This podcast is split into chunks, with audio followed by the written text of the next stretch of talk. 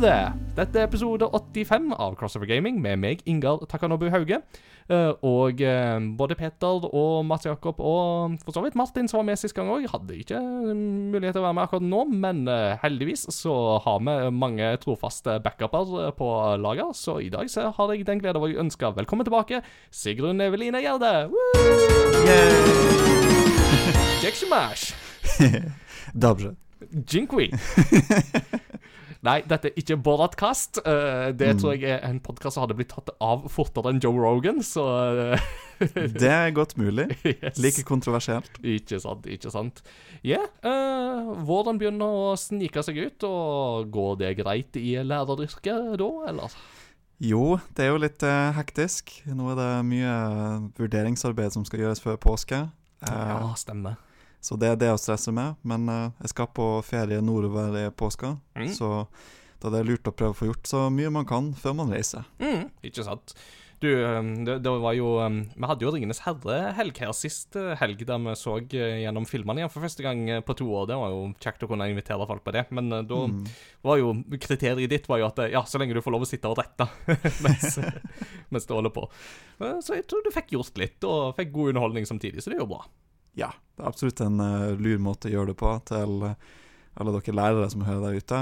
Ta og Sett på en uh, filmmaraton mens du retter. Mm. Kanskje, kanskje noe du kjenner litt fra før, så du ikke blir liksom altfor oppslukt uh, av det. det men, men sett på noe kvalitet likevel, sånn at du blir i godt humør av det. Mm. Det må jo være kriterier. Ja, altså en ting som jeg syns er veldig kjekt når våren begynner å krype fram i Oslo, er jo at da begynner jo loppemarkedene å, å poppe opp igjen òg. Ja. Og det er en sånn aktivitet som jeg syns er litt artig å streife innom og sånt. Så i dag så hadde jeg turen opp på Årvoll og kikka litt. og for en gangs skyld så var det et loppemarked under hva skal du si, skapelige forhold. Folk oppførte seg stort sett fint, bortsett fra han ene som kom med hva var det, 20 brettspill og tenkte at han skulle få de for 200 kroner. Det var litt optimistisk. Særlig når de hadde faste priser på de der tingene. Så jeg tror han Hmm. han, eh, han måtte nok krangle opp på det hvis han skulle få det. Men eh, nei, eh, jeg fant, de, jeg fant ett spill på PlayStation 3. Jeg fant ut når jeg kom hjem at Nei, det var et eh, online-spill som eh, serverne var tatt av i 2014, så det fikk jeg ikke spilt. Men coveret var iallfall fint. Så Det er noe å ha i samlinga. ja da, det er noe å ha i samlinga, og det er jo det som er viktig vet du, for en hoarder. Så eh, jeg har, aldri, jeg har ikke begynt på PlayStation 3, liksom sånn intens samling ennå, og det er kanskje like greit, for det er Det og PlayStation 2, da er det mye. Og, som, ha god plass. Ja, og det jeg liker å samle på, er jo konsoller. Mm. Så jeg har ikke kommet meg til PS3 ennå. Nei. Nei, men kanskje du ikke trenger det. Eh, For når vi nå skal videre til kunngjøringer, så har vi litt PlayStation-relevant informasjon. Så la oss gå i gang.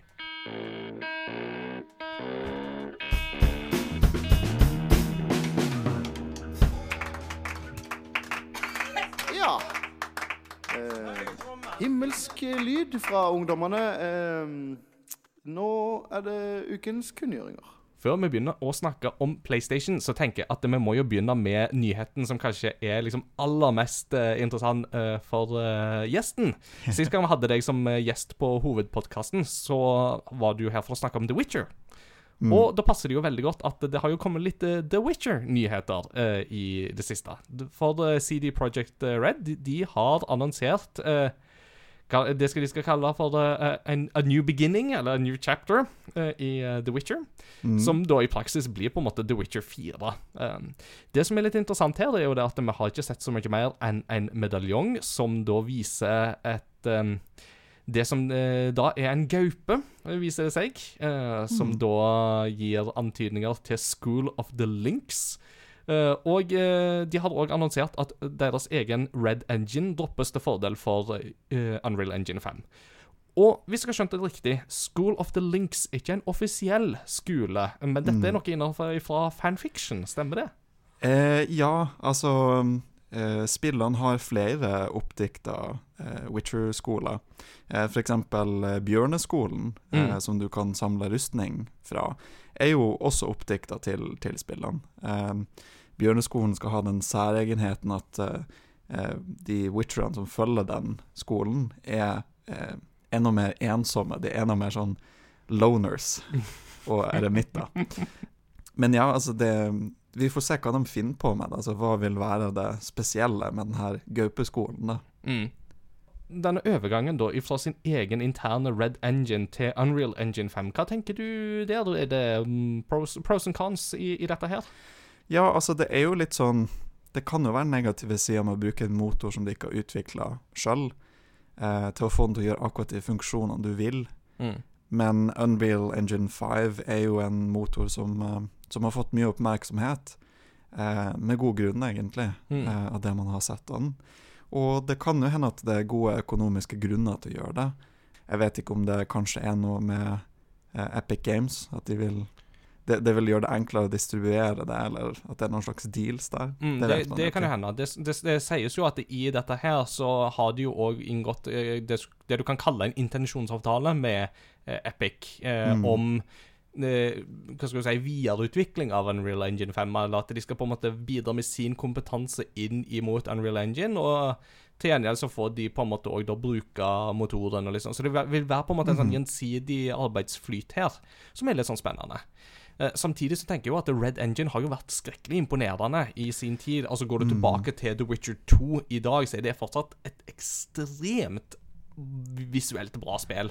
Det er Eh, det absolutt. og The Witcher 3 òg var jo, er jo fortsatt òg Holder seg jo på veldig høyt nivå. Og når Cyberpunk kjører på det peneste, så kan det faktisk se ganske pent ut, det òg. Det må vi jo innrømme. Men Mm. igjen så er det jo dette med å utvikle sin egen motor på den måten. Det krever jo en spesialkompetanse, det òg. Og hvis du ikke Mm.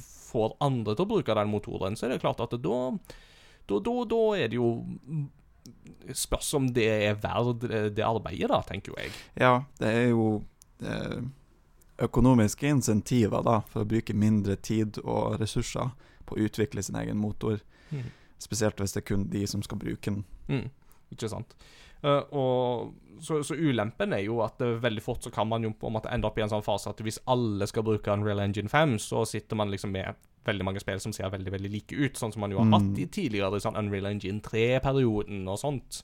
Uh, men jeg tror samtidig at Unreal Engine 5, det vi har sett så langt av forskjellige spill som skal benytte motoren, bidrar fortsatt med en særegenhet nok til at jeg tror at dette skal gå helt, helt fint. Eh, og så har vi jo da, sånn som Sony eksempel, de har jo mange studioer med en særkompetanse på utvikling av egne interne motorer, og mm, dette, altså når de på en måte samler en del av disse studioene under sin paraply, så vil jo de kunne utveksle en del av den motorinformasjonen fram og tilbake mellom studio. Så du vil fortsatt du vil kunne da teoretisk sett få PlayStation-spill som får en sånn veldig visuell særegenhet. Eh, I motsetning til da Xbox eh, eller Microsoft-spill, som vil ha sin egen form for særegenhet. Eh, Mm. fordi at de kan kunne benytte sine egne motorer. Eh, så de, vil nok ikke være låst til det på samme måte. Eh, det tror jeg ikke. I forrige episode så eh, hadde vi jo Martin på besøk. Det var jo veldig koselig å ha Martin innom igjen. Og Martin snakket jo veldig positivt om Gran Turismo 7. Det var jo i, på hengende håret, skal vi til å si. Eller det var liksom eh, godt at vi fikk snakke om det positive. For siden den gang så har jo Gran Turismo 7 vært i ganske mye trøbbel. De har hatt motorstopp, og de har krasja bilen. Eh, eller rettere sagt, først så var de nede i 24 timer. Noe som er interessant i seg selv, for dette er jo et spill som for det meste er en singleplayer-opplevelse, men som er en always online-tjeneste. Så der ser man jo en klar svakhet med, med det. Eh, deretter så viste det seg at eh, spillet har blitt justert for å pushe mer på mikrotransaksjoner. Og dette kom jo da i kjølvannet av at anmeldelsene er ute. Mm. Så når anmeldelsene har skrytt veldig av spillet, så begynner de å justere på dette her. Og det er jo ganske tvilsomme saker. Brukerne svarte jo med review-bombing, og utviklerne har beklaga og gjort noen justeringer, samt gitt alle spillerne 1 million credits internt i spillet, så sant de logger seg på innen 25. april. I tillegg så skal spillet også etter hvert inkludere muligheten for salg av biler, som visstnok har vært en sånn mangelvare der, men som folk var litt sånn Å, det har jeg ikke tenkt på, men ja, Mm. det stemmer.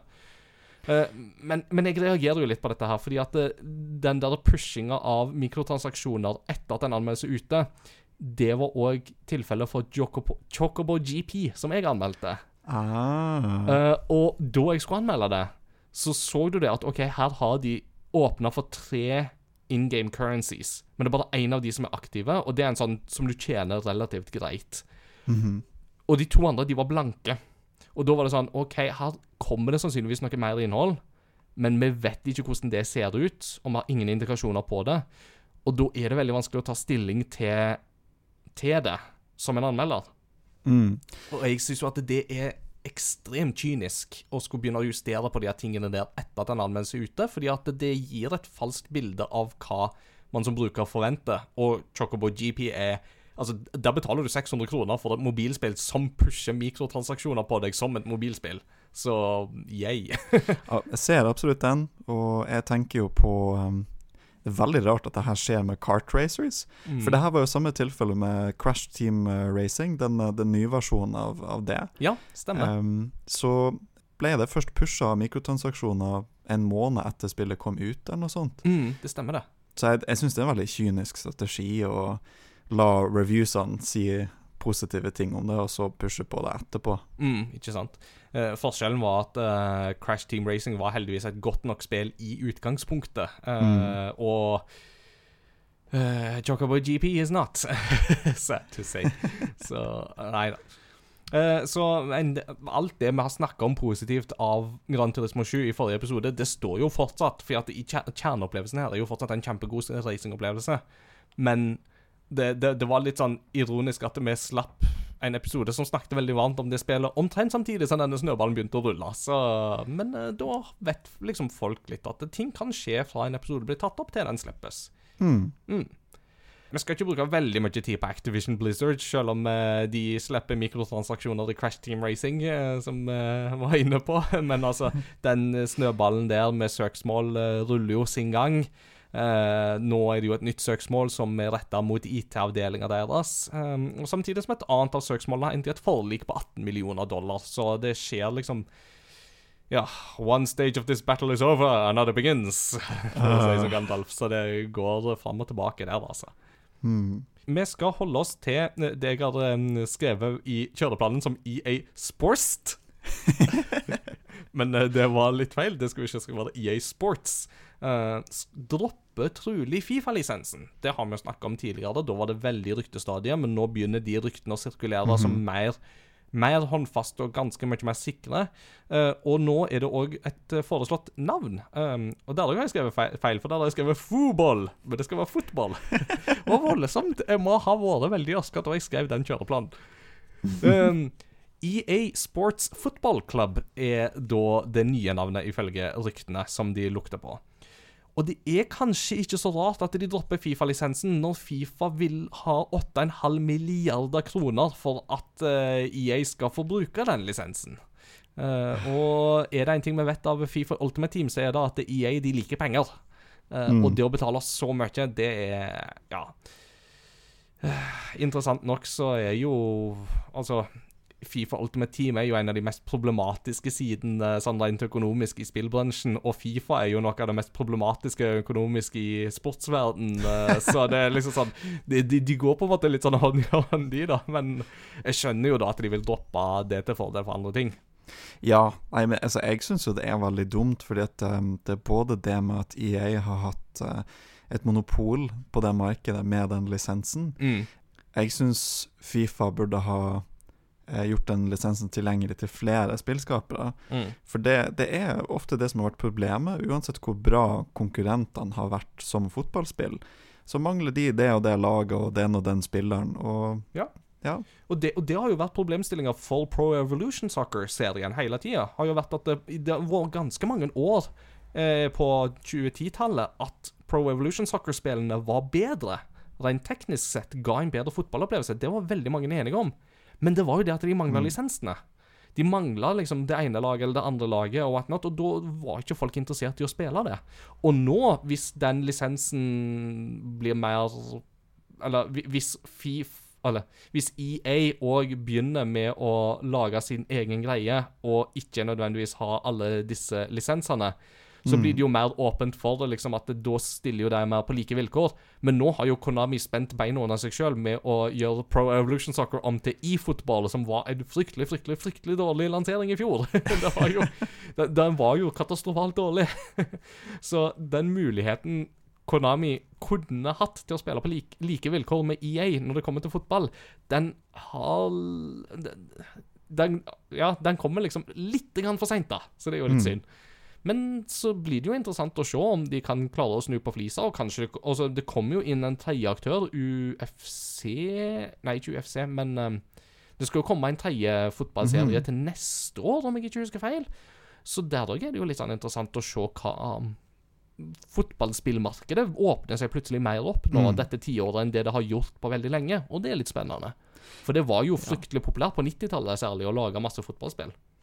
Det er sant, det er et godt poeng. Og jeg lurer på om det er litt sånn gambling fra EA sin side, med at eh, Å ja, dere vil ha så mye for den lisensen? Ja, da dropper hun bare. Mm.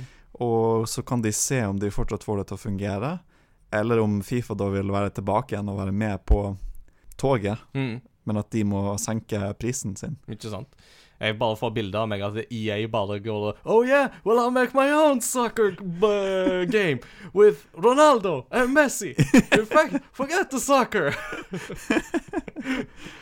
Nei, vi får, se, vi får. Men eh, plutselig så blir liksom den scenen litt mer spennende, da. Mm. En annen scene som er litt spennende for tida, det er Fortnite-scenen, utrolig nok. Én ting er det at Fortnite eh, har uh, droppa bygging eh, til fordel for at det liksom bare blitt mer en all shooter battle royale, eh, som plutselig jo er litt sånn interessant, for at eh, da er det jo sånn at mm, disse ungdommene som er så flinke til å bygge og masse sånt, de mister jo den upper handen, mens vi gamle uh, gamliser som ikke er flinke til å bygge, men får plutselig en fordel. uh, og det er ting som kan tyde på at de kanskje skal gjøre det litt permanent, eller at det, altså at det blir en egen modus. Det er jo litt spennende å se. Men i tillegg til det så kjører jo nå Epic en kampanje der alt av mikrotransaksjoner som gjøres i Fortnite fram til og med 2. april, som da er i dag, eh, skal gå til støtte for Ukraina. Så det er jo et eh, monumentalt eh, En monumental sum som kommer inn. Altså Bare for noen dager siden så passerte de 100 millioner dollar. Eh, og det er veldig mye som tyder på at de kommer til å bikke den norske milliarden i inntekter på det, som da vil gå til inntekt for Ukraina. På den an- f- f- Først av alt så er jo det kred kjempepositivt. Eh, på den andre sida de tjener mye på mikrotransaksjoner. Ja, når de kan over så kort tid eh, samle opp penger fra det, så ja. Det, Det bare regner seg fram, altså. Det er vilt! Åh, det er så vilt. Da, da, da skjønner du hvorfor folk vil på den der Games as a Service-bølga. For det, der er det penger, altså. Mm. Ai, ai, ai. Men om ikke annet så går det til et godt formål eh, denne gangen. Så det kan jo hende at det genererer litt mer inntekt enn ellers. Det vet vi jo ikke. Men eh, Mm. mm. Så er det et par Switch-nyheter uh, som òg vil innom. Uh, det første Switch har fått støtte for mapper! Yeah! Det tok de bare fem år.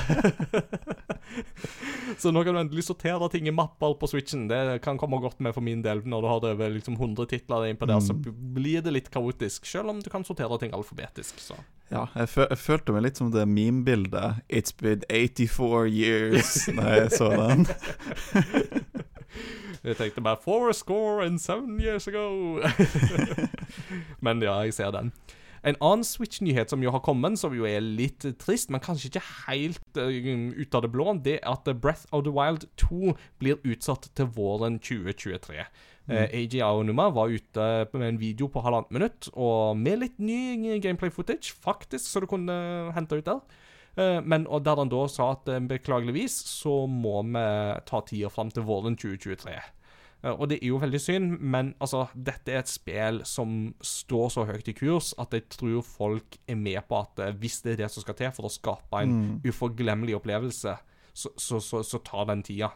For meg som er i Game Reactor, så er det egentlig veldig greit. Fordi at da slipper jeg å krangle med alle Elton Ring-fans om hva som er Game of the Year 2022. så da slipper jeg å grine meg til at Breath of the Wild skal bli det. Nei da, jeg har ikke forut, uh, forhåndsbestemt meg. Jeg har ikke det. jeg har ikke det. Neida. Men uh, man har jo noen Man har jo noen hjertebarn, da. Så mm. Nei, og jeg tenker at Nintendo har en god track record på, på det her, eh, med spesielt de, de titlene som, eh, som, er de store Nintendo-titlene. Så de eh, prøver sikkert bare å sikre at med all hypen som er bak her, så leverer de. Mm. Ikke sant. Så det, det tar den tida. Det, det, går fint for oss. Vi har andre ting å spille i 2022, så det skal gå fint. vi overlever nok. Hva vi derimot skal spille i 2022, det er jo ikke nødvendigvis så lett å si nå som E3 2022 er blitt uh, offisielt avlyst. Uh, det gjelder da både i fysisk og digitalt format. De lover å komme sterkere tilbake i 2023. De trenger tydeligvis tida på å finne, finne seg sjøl igjen, lite grann. Mm -hmm. Det har jo vært mye diskusjon om E3, altså om E3s relevans i bransjen i dag. Um, jeg har jo vært der at jeg argumenterer for at vi trenger en sånn messe sånn på sommerstid. En sånn spillmesse. Vi trenger noen sånne høytider i spillkulturen òg, på samme måte som vi har mm. jul og påske og sankthans og whatnot. Liksom. Altså, vi trenger noen av de kulturelle samlingspunktene. ikke sant? Der vi kommer sammen noen dager og bare på en måte feirer ting som har med spill å gjøre. Det, det, er litt godt, mm. det, egentlig. Selv om det er noe herk å sitte i en nyhetsredaksjon og skal skrive 40 nyheter på én dag istedenfor fire. ja, Uh, og jeg ble litt overraska når jeg så den nyheten, for jeg tenkte bare sånn Hm, man har det ikke hatt nok tid til å, til å, fikse på eller planlegge hvordan det skal være i år. Og samtidig det òg at de ikke, de ikke, skal ha det digitalt heller. Mm. Jeg eh, syns det var litt rart. Men eh, vi har jo fortsatt Summer Game Fest mm. å se fram til, så det blir noe høytid, da. Ja da, det blir det. Så det er jo ikke sånn at uh, fordi E3 forsvinner, så er alt tapt. Det, det er godt at vi har mangfold, rett og slett, og mange mm. aktører. Så det blir bra. Og altså vi, vi, vet jo mange ting som kommer i år, så det er klart at det, det er jo ikke først og fremst for året i år, da, men det blir jo mest for liksom tida framover. At det blir mest interessant å se hva som kommer. Ja, jeg eh, ser fram til uh, Devolver uh, sin Direct. Ja, de, de, må vel ha et eller annet i år òg, uansett på egen, uh, på egen fot. De må jo fortsette den føljetongen sin, tenker jeg, så ja. Så var det jo denne her PlayStation-nyheten da, som jeg tisa litt tidligere. Eh, for det har jo tidligere vært spekulert i at Sony jobber med sitt motsvar til Xbox GamePass, som de jo da har kalt for Project Spartacus. Uh, nå har alle Spartacusene reist seg opp og sagt 'I'm Spartacus'. Uh, eller rettere sagt, Sony har avduka sin Project Spartacus. Som da blir hva skal du si, en tretrinnsvariant av dagens PlayStation Plus. Eh, og den tretrinnsmodellen den vil da være som følger. Du, på nederste nivå så har du PlayStation Plus Essential, som vil fungere på samme måte som i dag, med samme pris som da er ca. 60 euro årlig. Og Det vil jo da si at du får et par gratis spill i måneden, eh, pluss at du har dette her med cloud saves og, og lignende. Mm. Og så kommer trinn to, som da er et hakk opp, som da er PlayStation Plus Extra. Som da vil gi deg en samling på rundt 400 PlayStation 4 slash PlayStation, PlayStation 5-spill. Som du da vil kunne laste ned og spille. På samme måte som du har med Xbox GamePass. Mm. Eh, og her vil du da finne stortitler og indie-titler og større tredjepartstitler til en pris av 99,99 euro årlig. Så norske priser er ikke helt annonsert ennå. eh, mm. Men det vil nok komme før denne tjenesten lanseres lanseres i juni. Og på toppen så finner du da PlayStation Plus Premium, som da vil, eh, i tillegg til alle disse tingene unna, gi deg 340 ekstra spill fra PlayStation 1, PlayStation 2, PlayStation 3 og PlayStation Portable. Vita er nok òg sikkert inne i bildet her et eller annet sted, eh, men det har jeg mm. dessverre glemt å skrive i kjøreplanen. Dette, I tillegg så vil det òg være tidsbegrensa demoer av utvalgte spill som man vil få tilgang på. Og for en årspris her så snakker man ca. 120 euro eh, årlig. Så en dobling av pris da fra trinn 1 til trinn 3, men da med mye større utvalg. Og for de som kun er interessert i nyere ting, så er det jo da mellomtrinnet her. Mens for de som er interessert i eldre titler, så er det da eh, pluss eh, premium.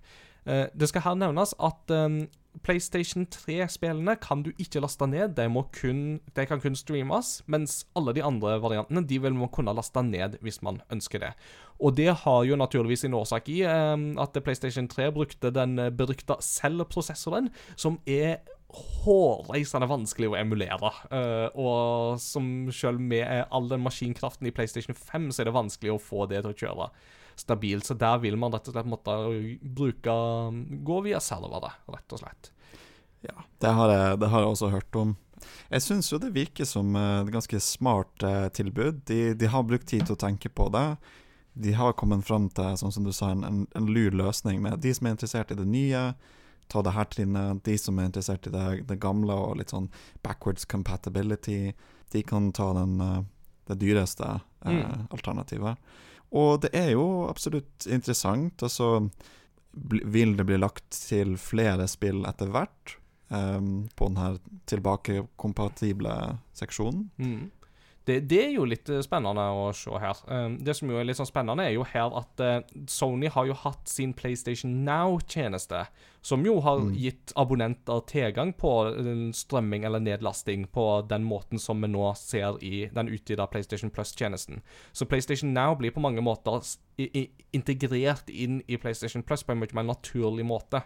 Mm. Samtidig så er det jo da sånn at de vil ikke ha en sånn day one-lansering av sine interne titler, på samme måte som det Xbox har med sitt GamePass. Uh, og det er Jim Ryan i PlayStation helt ærlig på, at det, det, altså, det, det er rett og slett finansieringsmessig Altså Finansmessig så, så, vil ikke det gå rundt for de. Altså den modellen de har for finansiering av framtidige spillprosjekter og studioer osv., da har de ikke kapasitet Altså, de har ikke muligheten til å slippe Eh, The Last of Us 3 direkte på dag én. Uh, mm. Så det er sånne ting som vil komme etter hvert. Men de snakker jo fortsatt om at det er store spill som liksom God of War, Horizon, Zero Dawn i alle fall, uh, men òg sånne ting som liksom Death Stranding og Mortal Kombat 11 og sånt vil være tilgjengelig i denne tjenesten mm. her. Så man vil på en måte gi uh, spillene tid til å være på det åpne markedet, før man da slipper det på, på dette her. Og mm jeg syns jo det er litt interessant, for vi har jo snakka litt om Xbox GamePass-modellen før, og det er jo noe med finansieringsmodellen her, og liksom den økonomiske fortjenesten på lang sikt for de som er involvert i dette, som jo er Veld, altså, som, man, som, er veldig diskutable. Det har vi jo snakka litt om, mhm. blant annet med Eirik, eh, min kollega i, i Game Reactor, har jo vært veldig kritisk på akkurat det i sine Eller, eller retta et kritisk blikk mot det, da. Og jeg syns jo absolutt at det er jo et spørsmål her som blir veldig tydelig når Sony legger seg på en litt annen modell og sier at um, vi kan ikke få det til å gå rundt, vi må gjøre det sånn som dette her. Mm. Nei, og det, det, er klart, jeg tenker jo eh, Det finnes jo sikkert masse statistikker på det her som viser hvordan det, det faktisk eh, ser ut økonomisk. Um, men jeg regner jo med at det er den første perioden når spillet kommer ut, at det, du tjener mest på på det spillet, på salget av det. Mm. Så ett år senere så er det sikkert ikke så mange som plukker det opp eh, som det var i begynnelsen, når, eh, når det først kommer ut. Um, litt sånn som med en film, da. Mm f.eks. Ja. ja, for det er jo sånn med spill òg at um, den, den, den, første lanseringa har jo fortsatt vært ansett som den mest viktige. Sånn, mm. sånn har det jo vært for spillbransjen i, i, lang tid. Samtidig så har man jo sett at man er ikke betinga av umiddelbar suksess for at spillet skal bli en suksess på sikt. Altså Among mm. us er jo kroneksempelet på det. Altså Among us kom jo egentlig ut i 2018 var det vel. Men det var jo først mm i 2020 mhm. at det tok helt glatt av pga. pandemien. Uh, så det er liksom Man vet liksom aldri helt hvordan ting der vil gå. Um, mm. Og så vil du ha noen spill som også sånn, får en veldig treig start, men så får de mer momentum etter hvert og selger bedre. Sånn som Guardians of the Galaxy-spillet ser jo ut til å være i en sånn kurve, med at de Uh, solgte litt, uh, litt dårligere enn forventa i starten, men at de da måte har tatt seg litt mer inn som følge av at uh, spillere kanskje kommet gått litt ned i pris, og folk har snakka veldig varmt om det. Blant annet med her i Cross of Gaming har jo snakka veldig varmt ja. om det. Så, så, så, det er jo mange forskjellige faktorer som spiller inn her. Mm. Nei, det er klart det blir interessant å se hvordan det kommer til å gå. Blir det PlayStation sin løsning, eller blir det Xbox sin løsning som kommer til å vinne ut i det mm. lange løp? Mm. Altså, for forbrukerne sin del så er det jo ingen tvil om at de vil jo fortsatt få mest for pengene for Xbox GamePass. Det tror jeg jo på. Um, I alle fall hvis du er veldig opptatt av å spille ting når det er nytt og ferskt. Um, men samtidig så er det jo noe med at um, Sony og PlayStation har sin egen stall av titler som er veldig attraktive og lukrative for folk, altså, som du ikke skal på en måte kimse av.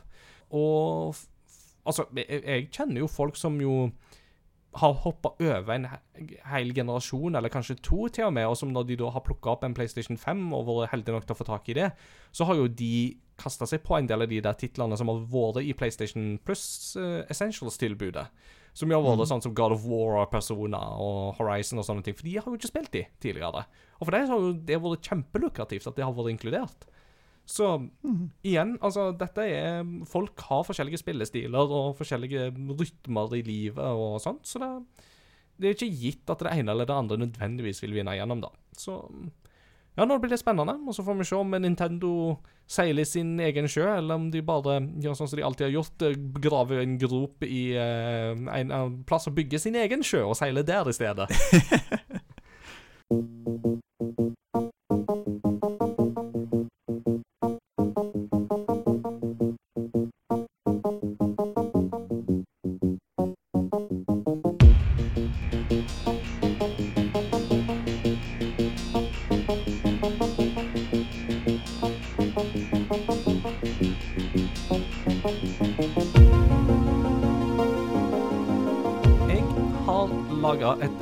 interessant tema i dag, syns jeg sjøl.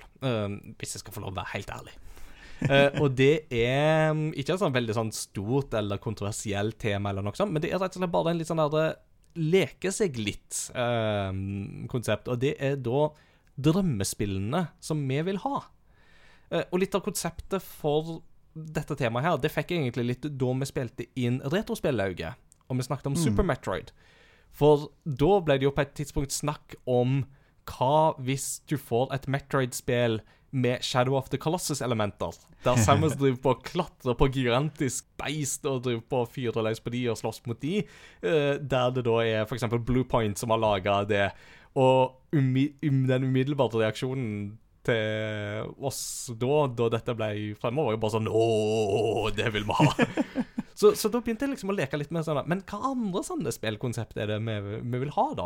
Um, så da har jeg jo lyst til å på en måte utfordre deg, eh, Sigrun, på det. Og du har jo tatt utfordringer på strak arm. Eh, man merker at du er lærer når man ser i kjøreplanen, for du har laga masse notater. Så jeg vil egentlig bare spille ballen til deg, jeg. Så hvilket drømmespill vil du ha? Ønsker du fortrinnsvis oppfølgere, eller er det helt nye konsepter som står høyest i kurs?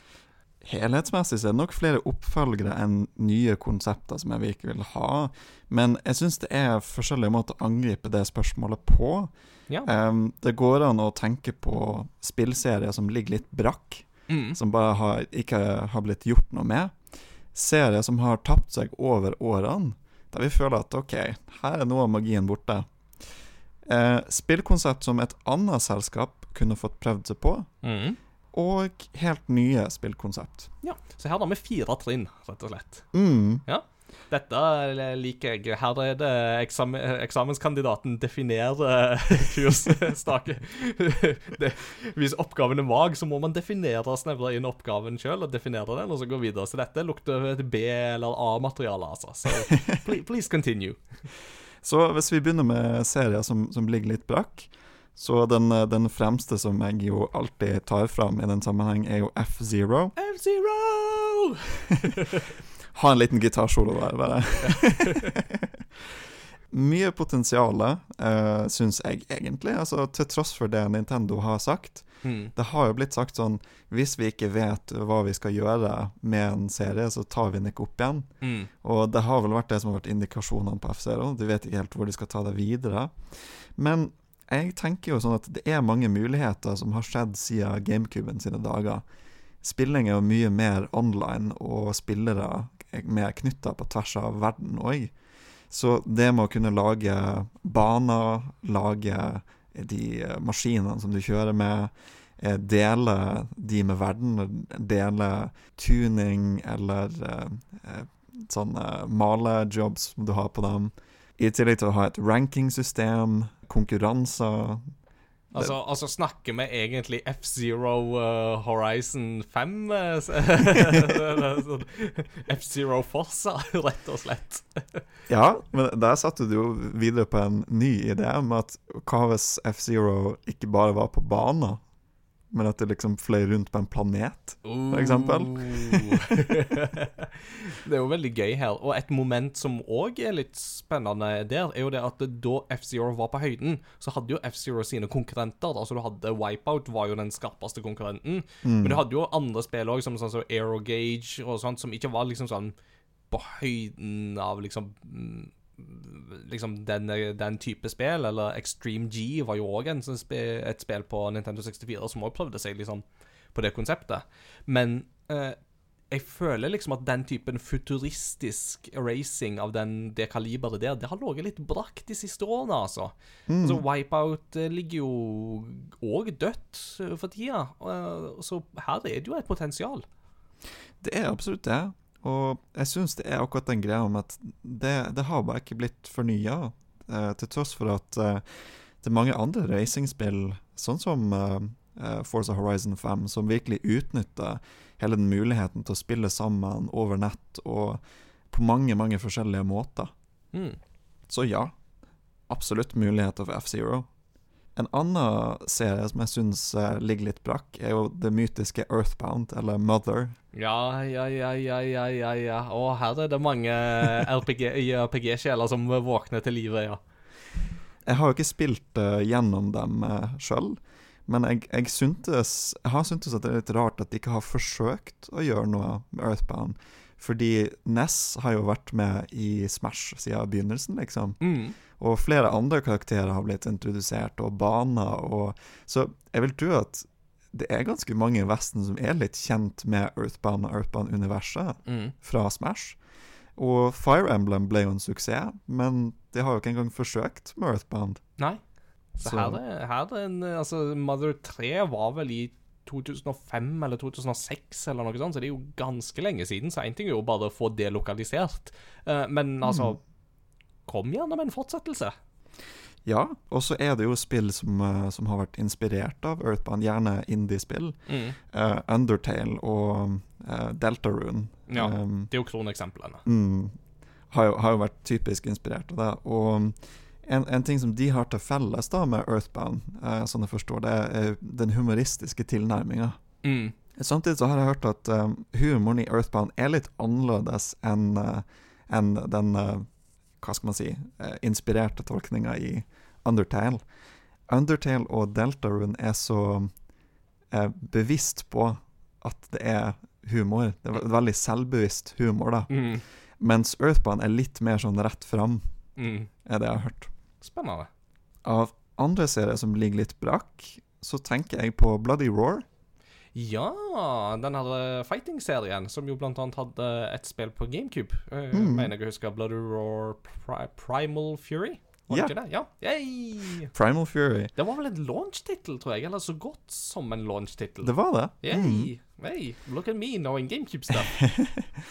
Og jeg, jeg syns bare at det, det er spill, en spillserie som har et unikt uh, konsept for en fighter. Det er litt sånn som Animorphs, der fighterne dine kan forandre seg til et um, dyr. ja. Som fortsatt er på to bein og sånn, da. Ikke bare bokstavelig talt blir en liten katt, men eh, I am turning into the fiercest animal of all, rat. Men ja, jeg har, jeg har gode minner fra PlayStation 1 og PlayStation 2, der de fleste av spillene var. Jeg tenker også at det kunne vært kult med en karakter i Smash Mm. fra det. Eh, man kunne gjort det enten sånn som gamle Zelda, som forandrer seg til, til et dyr da, når du trykker en bokstav. Mm. Eh, når du trykker knappen special ned. Eller så kunne du gjøre det til en Final Smash. Ikke sant? Mm. Så um, Det funker jo med Ganondorf, for eksempel. Han blir jo til Beast Ganon når du har final smashen hans, så Ja. Og selvfølgelig, man kan jo heller ikke unngå å nevne en serie som har ligget brakk lenge, som virkelig burde hentes opp igjen. Krono-serien. ja. Helt klart.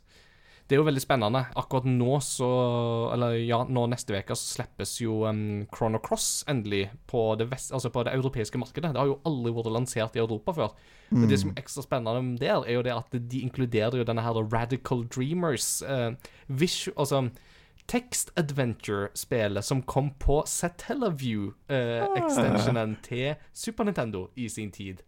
Uh, som jo var en sånn ek veldig japansk satellittmodem peripheral. Uh, og det, det, det er jo vært sånn ting som alle har vært lansert noen plass tidligere, og som har vært notorisk vanskelig å få tak i. Eh, og nå inkluderes jo det. Så det er jo veldig spennende. Altså, er det sånn at de lodder liksom markedet litt for liksom Er det interesse for dette her, eller hvordan er det? For at hvis det er det, altså Bring it on! Ja, bare wow. Eh, det, det var jo rett og slett rett ut fra ku- kuriositetsspalten.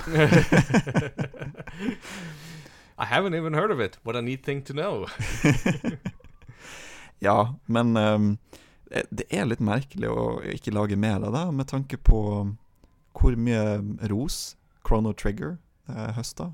Mm. Både i sin tid og i ettertid.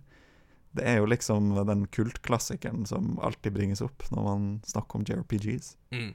Og eh, den her har jo sikkert mange vært eh, trist over lenge, men eh, Banjo Kazooie Ja, åh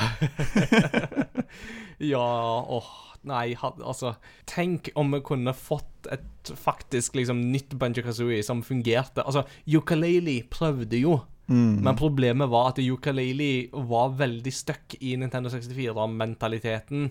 Kombinert med en litt sånn gradvis oppbygging av verdener eh, som rett og slett ikke fungerte så veldig bra. Altså, potensialet var der, eh, men de klarte rett og slett ikke helt å bringe den i havn, da. Da hadde de jo mer suksess med det um, som var mer inspirert av de gamle Donkey Kong Country-spillene, altså Ukulele and The Impossible Lair. Det skal Mm. jo visstnok være bedre. Det har jeg ikke spilt sjøl, men jeg har skjønt at det var bedre. Ja. Men altså, et nytt Banjo Kazooie med Grant Kirkhope som uh, komponist, ja takk! Ja, eh, absolutt eh, med på den. Eh, det som jeg tenker, er jo De får det jo til med Mario, og da plattforming er jo fortsatt en greie der, så hvorfor skulle ikke Banjo Kazooie fungerer. Det, det blir også litt sånn spark nuts and bolts, som Mm. uh, de da forklarte under utviklinga av Rare, at um, folk vil ikke ha plattformingspill lenger. Ah. Jo, vi vil ha gode plattformspill. Det er jo det vi vil. Altså, altså bare se på hvor liksom, glade entusiastiske folk ble da Crash Bandicoot 4 kom ut. Altså, Mm. og, og det var jo bra òg. Altså, det var jo kjempebra. Ja, og eh, Nuts and Boats ble jo da en slags sånn bilbygger-kjørespill. Som er veldig rart. Banjo Kazooie, My Summer Car. ja. Og det, det som jeg eh, liker best med Banjo Kazooie-spillene, som jeg ikke har spilt gjennom hele av dem, er det lyddesignet og, og stemmene. Ja, altså, jeg trenger mer oh, oh, oh. Altså, jeg trenger mer av det i 2022 òg. Ja, jeg er, jeg er virkelig glad i akkurat det. Mm. Men over til neste kategorien, eh, serier som har eh, tapt seg. Mm. Der er jeg jo faktisk inne og spiller på den første serien igjen nå. Ja, før, vi går dit, Mm. eh, så vil jeg bare skyte inn en før jeg glemmer den sjøl. For Ja. den kom jeg på mens vi snakket om Banjo Kazooie. For det er jo en annen rare-serie som jeg veldig gjerne vil ha gjenoppliva, og det er jo Diddy Kong Racing. Ah. Altså, kart racing har vi jo snakket om. Altså, Det er fortsatt et marked for kart racers utenom Mario Kart, og Diddy Kong Racing er fortsatt noe av det beste som er Mm. Altså, det er nok litt kontroversielt å si det, men Diddy Kong Racing på Nintendo 64 er tidvis bedre enn Mario Kart 64, altså. Og altså Det, det, det å få noe nytt i liksom samme ånden med så stor variasjon av kjøretøy og skytevåpen og sånne ting, og Mm. kjempebra musikk av David Wise, ikke minst Altså Vi trenger definitivt noe mer av den typen. Det, det skulle vi veldig gjerne hatt. Jeg er absolutt enig i det. Og så Det som jeg syns er så bra med Diddy Kong Racing, som uh, gjør at jeg, jeg både heller vil spille det og uh, Crash, uh, Crash Team Racing, Mm. er at du har en sånn verden som du går rundt i, og du kan kjøre og åpne opp nye baner og sånn. Eh, mens i Mario Kart 64 så var det jo bare en meny. Mm. Så jeg, jeg likte virkelig den touchen i Kart, uh, kart Racers. Spørsmålet er kan du ha den der indiske elefanten eh, med anno 2022, eller blir det eh, eller, eller er det ikke helt stuereint å ha en sånn elefant som kommer 'Select your vehicle. Can I help you further? Bye bye for now'. Det blir kanskje ikke helt, eh, helt innafor, men det kommer jo an på hvordan det er gjort, da. Det, det kan hende det går, kan hende ikke. Ja.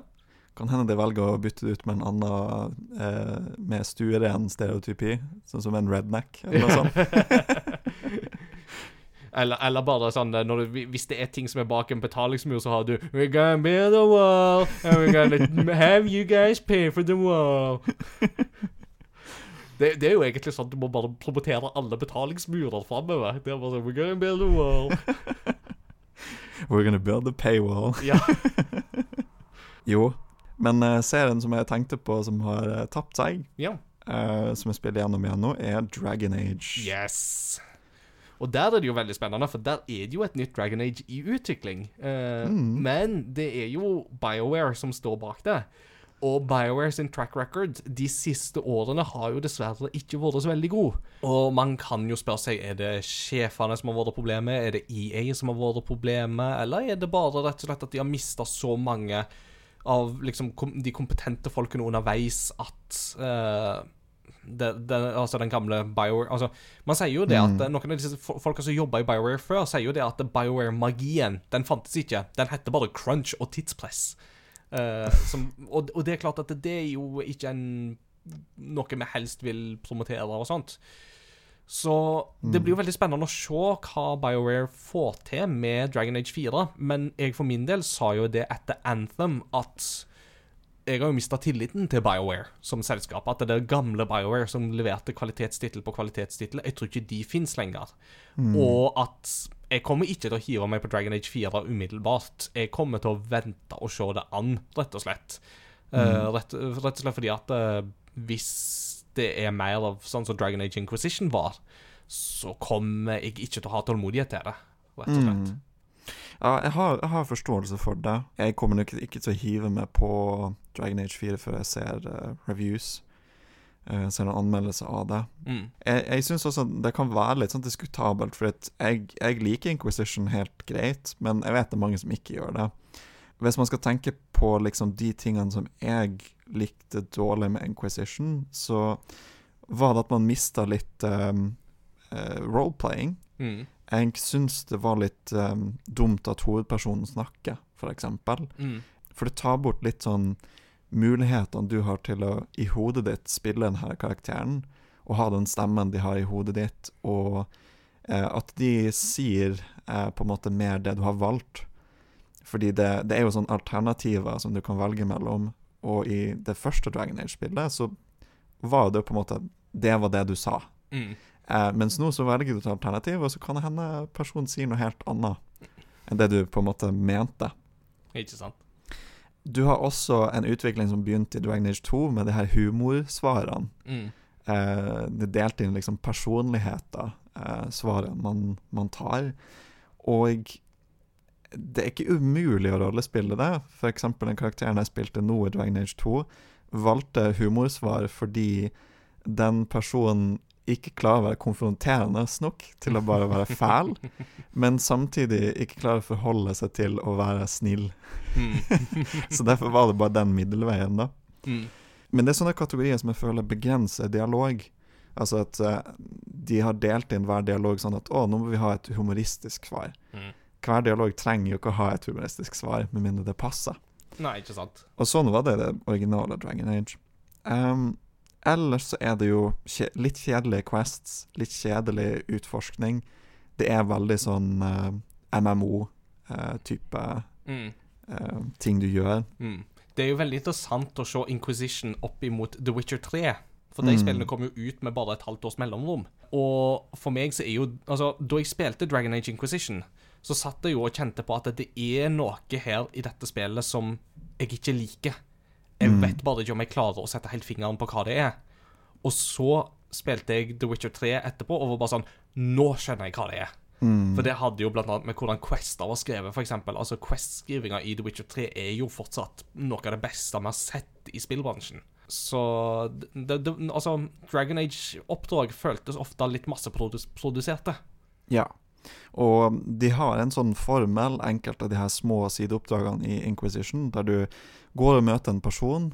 De forteller deg, eh, forteller deg en ting bare sånn ah, 'Templars stole eh, my ring'. De tok ringen min. Og så har du ett alternativ, som er liksom sånn 'Templars stole your ring?' spørsmålstegn. Så forklarer de enda litt mer, og så sier du bare 'goodbye'.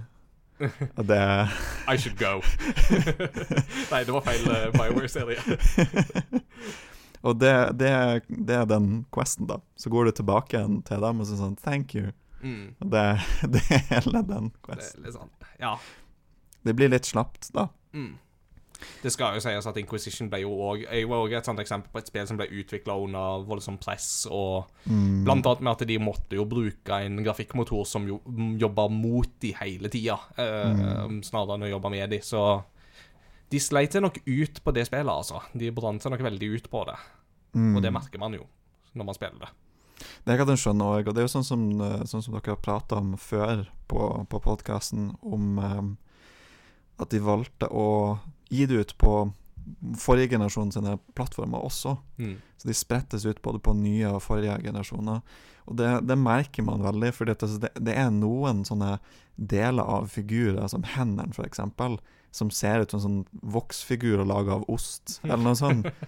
Og det er så veldig stor kontrast, for liksom ansiktene er, er ganske bra, Mm. og så er det bare hendene ser helt forferdelige ut. Mm, wax with cheese. Og eh, man trenger ikke å si så mye mer om, eh, om det, men en annen serie som er veldig lik, er jo også en Bioware-serie. Mass Effect. Ja. altså, der, der har jeg Jeg må innrømme at jeg har litt mer trua på at de kan lage noe bra i Mass Effect igjen, enn jeg har med Dragon Age. Eh, Men det er kanskje fordi jeg er mer glad i Mass Effect, og at jeg har mer lyst på et bra Mass Effect-spill enn jeg har lyst på et bra Dragon Age-spill. Jeg vet ikke. Det, Mm. det, men ja, igjen, jeg er spent, og Ja, Ja, så liksom problemet mitt for, for Dragon Age er at det mista noe av liksom rollespillverdien, Mm. um, som jeg hadde det veldig gøy med nå i min gjennomspilling i det første Dragon Age-spillet. Jeg virkelig føl, følte at jeg kunne lage en karakter, og iallfall i hodet mitt ta valg basert på det. Mens det er litt vanskeligere i Dragon Age 2 og Inquisition å gjøre det.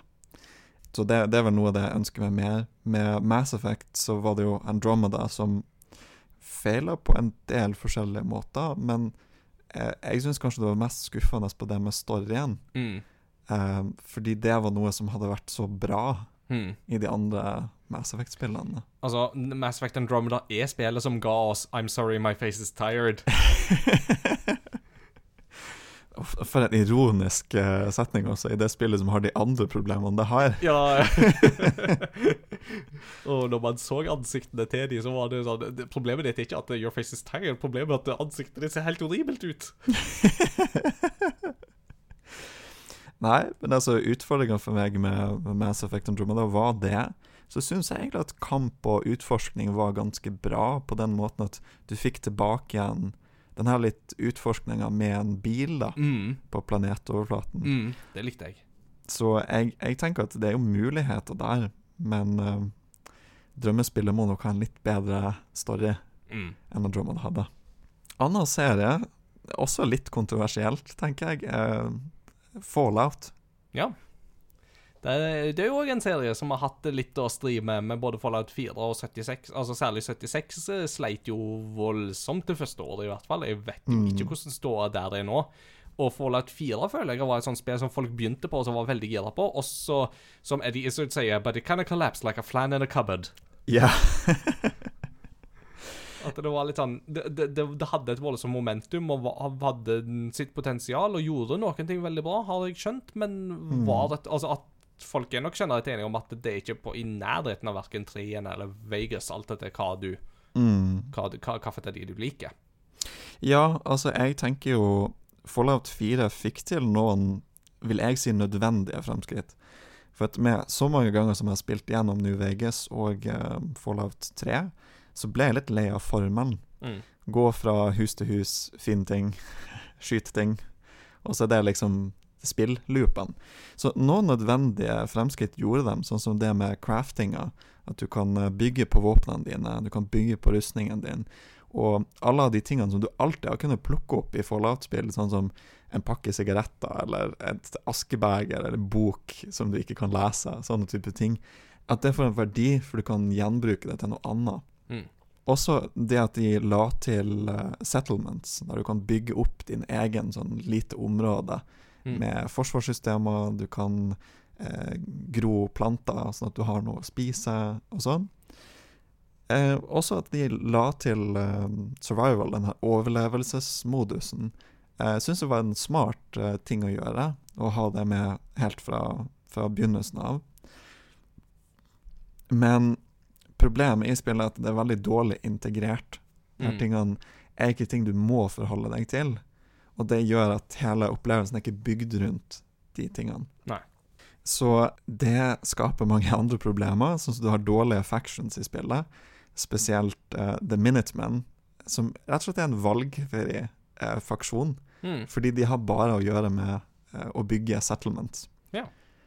Og det er jo der også du får liksom mange av de kjedelige sidene ved Fallout 4, som er sånn radiant quests. Mm. Så genererte quest som sånn Dra hit og gjør fri den her settlementen. Mm.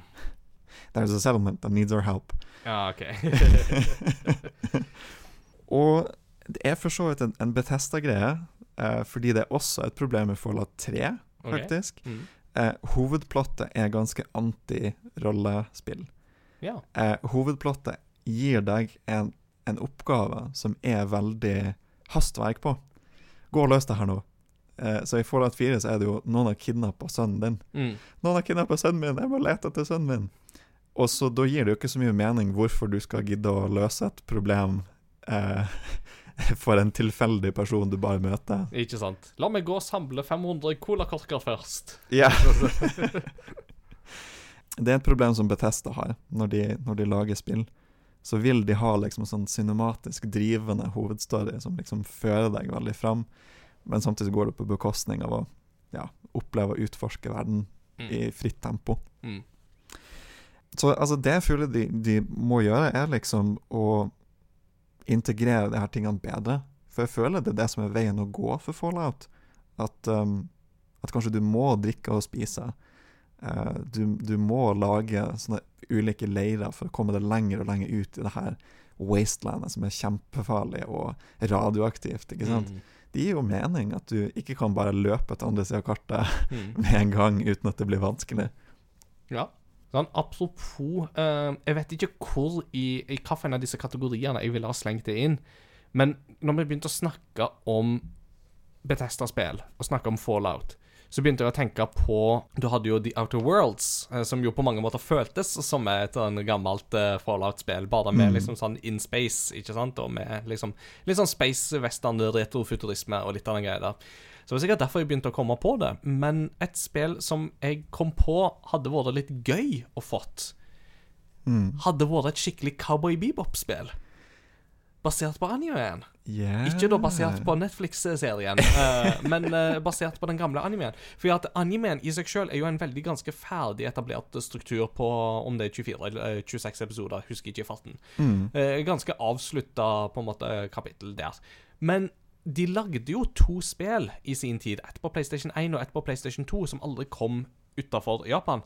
Og jeg bare tenker at Hvis de hadde på en måte laga en litt sånn skikkelig sånn Litt sånn den der Space Western, Bounty Hunter, utforska litt mer åpne miljø, uh, få inn stemmeskuespillerne, altså de som lever av de er jo han som var Jet Black, døde jo i 2018, så du hadde jo en annen eh, inne der i stedet. Uh, men, men jeg bare tenker at det, det er et sånt konsept som jeg tenker at det hadde vært litt gøy å få til. Eller, eh, eller et Firefly-spill, da. Liksom, når jeg skal liksom være i den kategorien der. Så bare sånn der, eh, Jeg tar gjerne Firefly-spill, jeg. Shiny. Ja, wow. Ja, det syns jeg var et, eh, et eh, kult konsept, jeg. Jeg har jo ikke sett ferdig Cowboy Bebop, men jeg begynte faktisk å se på det i år. Ja. den originale animen, ikke Ja, Netflix-serien. det er godt, det er godt, det er godt. Du kan se Netflix-serien etterpå hvis du vil, tenker jeg. For, for det er litt sånn interessant å se liksom, den der, hva valget de har tatt. Og noen, nå- på noen punkter så syns jeg de har et sånn blikk for detaljer som jeg liker litt med Netflix-serien, faktisk. Det skal de ha. Men uh, de klarte ikke å få den helt i havn. Det gjorde de ikke. Men uh, Cowboy, Bebop, Cowboy Bebop er jo fortsatt en av mine favoritt-animes Eller kanskje Det er min favoritt-anime of all time. Det, det, det er det jo. Det hadde vært litt gøy med noe litt sånn ekspandering av det universet enda litt mer. Det kunne jeg ha likt, altså. Ja, hvis man kunne fått et utvida soundtrack òg, som fulgte med det. Åh, få med Yoko Kanno og Seatbelts på å lage enda mer musikk. Og det var sånn, ja Det var jo den tingen de gjorde riktig med Netflix-serien, var jo at de jo hyrte Yoko Kanno inn igjen til å lage mer musikk, og det passet jo veldig godt. Wow. Yes. Nei. Så ja. Uh, so, uh, please continue. Så den uh, neste kategorien jeg tenkte på, da, var spillkonsept som noen andre studio godt kunne fått gjort. Yes! Og her har jeg et konsept liggende klart, men jeg vil gjerne høre dine, dine innspill først. Um, jeg tenker på Assassin's Creed-serien først, med en gang jeg ser denne kategorien. Ja. Fordi jeg ser på de historiske epokene som man har i Assassin's Creed, og så syns jeg det er et par kjedelige prinsipper okay. som, eh, som ligger til grunn eh, i Assassin's Creed-serien. Det er blant annet det med Du kan ikke forandre spesielt mye på historien. Eller iallfall, du har ikke det valget som spiller. Nei. De kan godt legge til noe som bare sånn OK, det her skjedde jo i alle fall ikke i virkeligheten. Da Vinci var ikke sånn, liksom. Men jeg syns bare det er litt kjipt også at alle sånne historiske epoker skal bli prega av hele den her Templar Assassins-konflikten. Mm. Sånn at det blir på en måte et sånn bakteppe som overstyrer alt det andre, uten at man eh, så Slik at man bare ikke kan få oppleve den historiske epoken uten den Mm. Assassin's Creed-bagasjen. Ikke sant? Og, og der har du jo litt av på en måte problemet òg med I alle fall litt sånn no, Noen Assassin's Creed-spill sånn som jeg kjente litt på, er jo litt av det der med at det er jo Det vil jo være et problem uansett, men det er jo besøk til historiske perioder, men sett med veldig postmoderne briller. Mm. Eh, ikke sant? Eh, Og at en del av liksom tankegods og oppførsel og en del av liksom av disse ideologiske mm, stridighetene og sånt òg, er jo på en måte litt sånn ting som er litt sånn der Ja, men det, dette føles på en måte veldig postmoderne. Mm. Mer enn det føles på en måte troverdig for den faktiske epoken det satt i. Ja, det, det kan man også definitivt si. Det er liksom den vanskeligheten med å få den genuine historiske opplevelsen. Mm. Jeg eh, tenker jo også på Valhalla, som jeg har, har spilt mye og, og hatt det gøy med. Jeg skulle gjerne sett et vikingspill som er laga av f.eks. Rockstar, Ja. eller av um, Obsidian, for den Mm. saks skyld. Noen som liksom kan skape en verden som føles veldig livaktig ut. Eller en story og karakterer som er veldig, veldig givende. Mm, ikke sant. Men det er jo mange som har hinta på at de skulle veldig gjerne hatt et, eh, et Assassin's Creed-spill satt til liksom føydaltidens Japan, altså med samuraier og den slags type ting. Men det spillet fins jo allerede. Det heter Ghost of Tsushima. Og yeah. Sucker Punch gjorde det så mye bedre. Uh, altså, det, det er veldig tydelig at de har basert seg på liksom, en del av den der Assassin's Creed eh, Ubisoft-formelen, men de har på en måte samtidig luka vekk en del av de tingene som ikke fungerer så bra, Mm. eller bare på en måte integrert det på så fantastiske måter. Eksempel det der med at i Ghost of Tsushima når du har satt et waypoint, så ser du ikke waypoint um, på liksom skjermen, med mindre du Mm. nødvendigvis stiller det inn. Men du kan hele tida få vinden til å blåse i den retningen med å bare swipe på liksom denne touchpaden på PlayStation-kontrolleren. Mm. Det er så nydelig. Altså, det, det, det skaper en så fantastisk opplevelse. Så og, jeg trenger egentlig ikke et Assassin's Creed uh, Japan. Uh, eller Assassin's Creed Shogun, eller hva du vil kalle det. Fordi jeg har allerede fått det. Så um, I'm, I'm, I'm happy. Ja, altså jeg tenker apropos når du nevner Ghost of Tsushima, det er masse mer potensial man kan gjøre der. For liksom frigjøre seg fra eh, HUD-en, alle de her elementene som skal være på skjermen. For eksempel så kunne man jo ha gjort det sånn at man hadde et kart som hovedpersonen han June faktisk tok opp, Mm. og så du faktisk så på, på, på kartet i hendene hans. Eh, det er masse potensial til å gjøre enda mer eh, innenfor den sjangeren. Mm. Jeg tenker jo sånn, for, for å oppsummere det eh, Ubisoft gjør, så eh, er det ikke utforskning, det er Ubisofts forskning. De har en veldig sæ- særegen stil på det, med eh, ja, masse, masse oppgaver å gjøre på kartet, der det ikke er lagt så mye energi i de ulike tingene.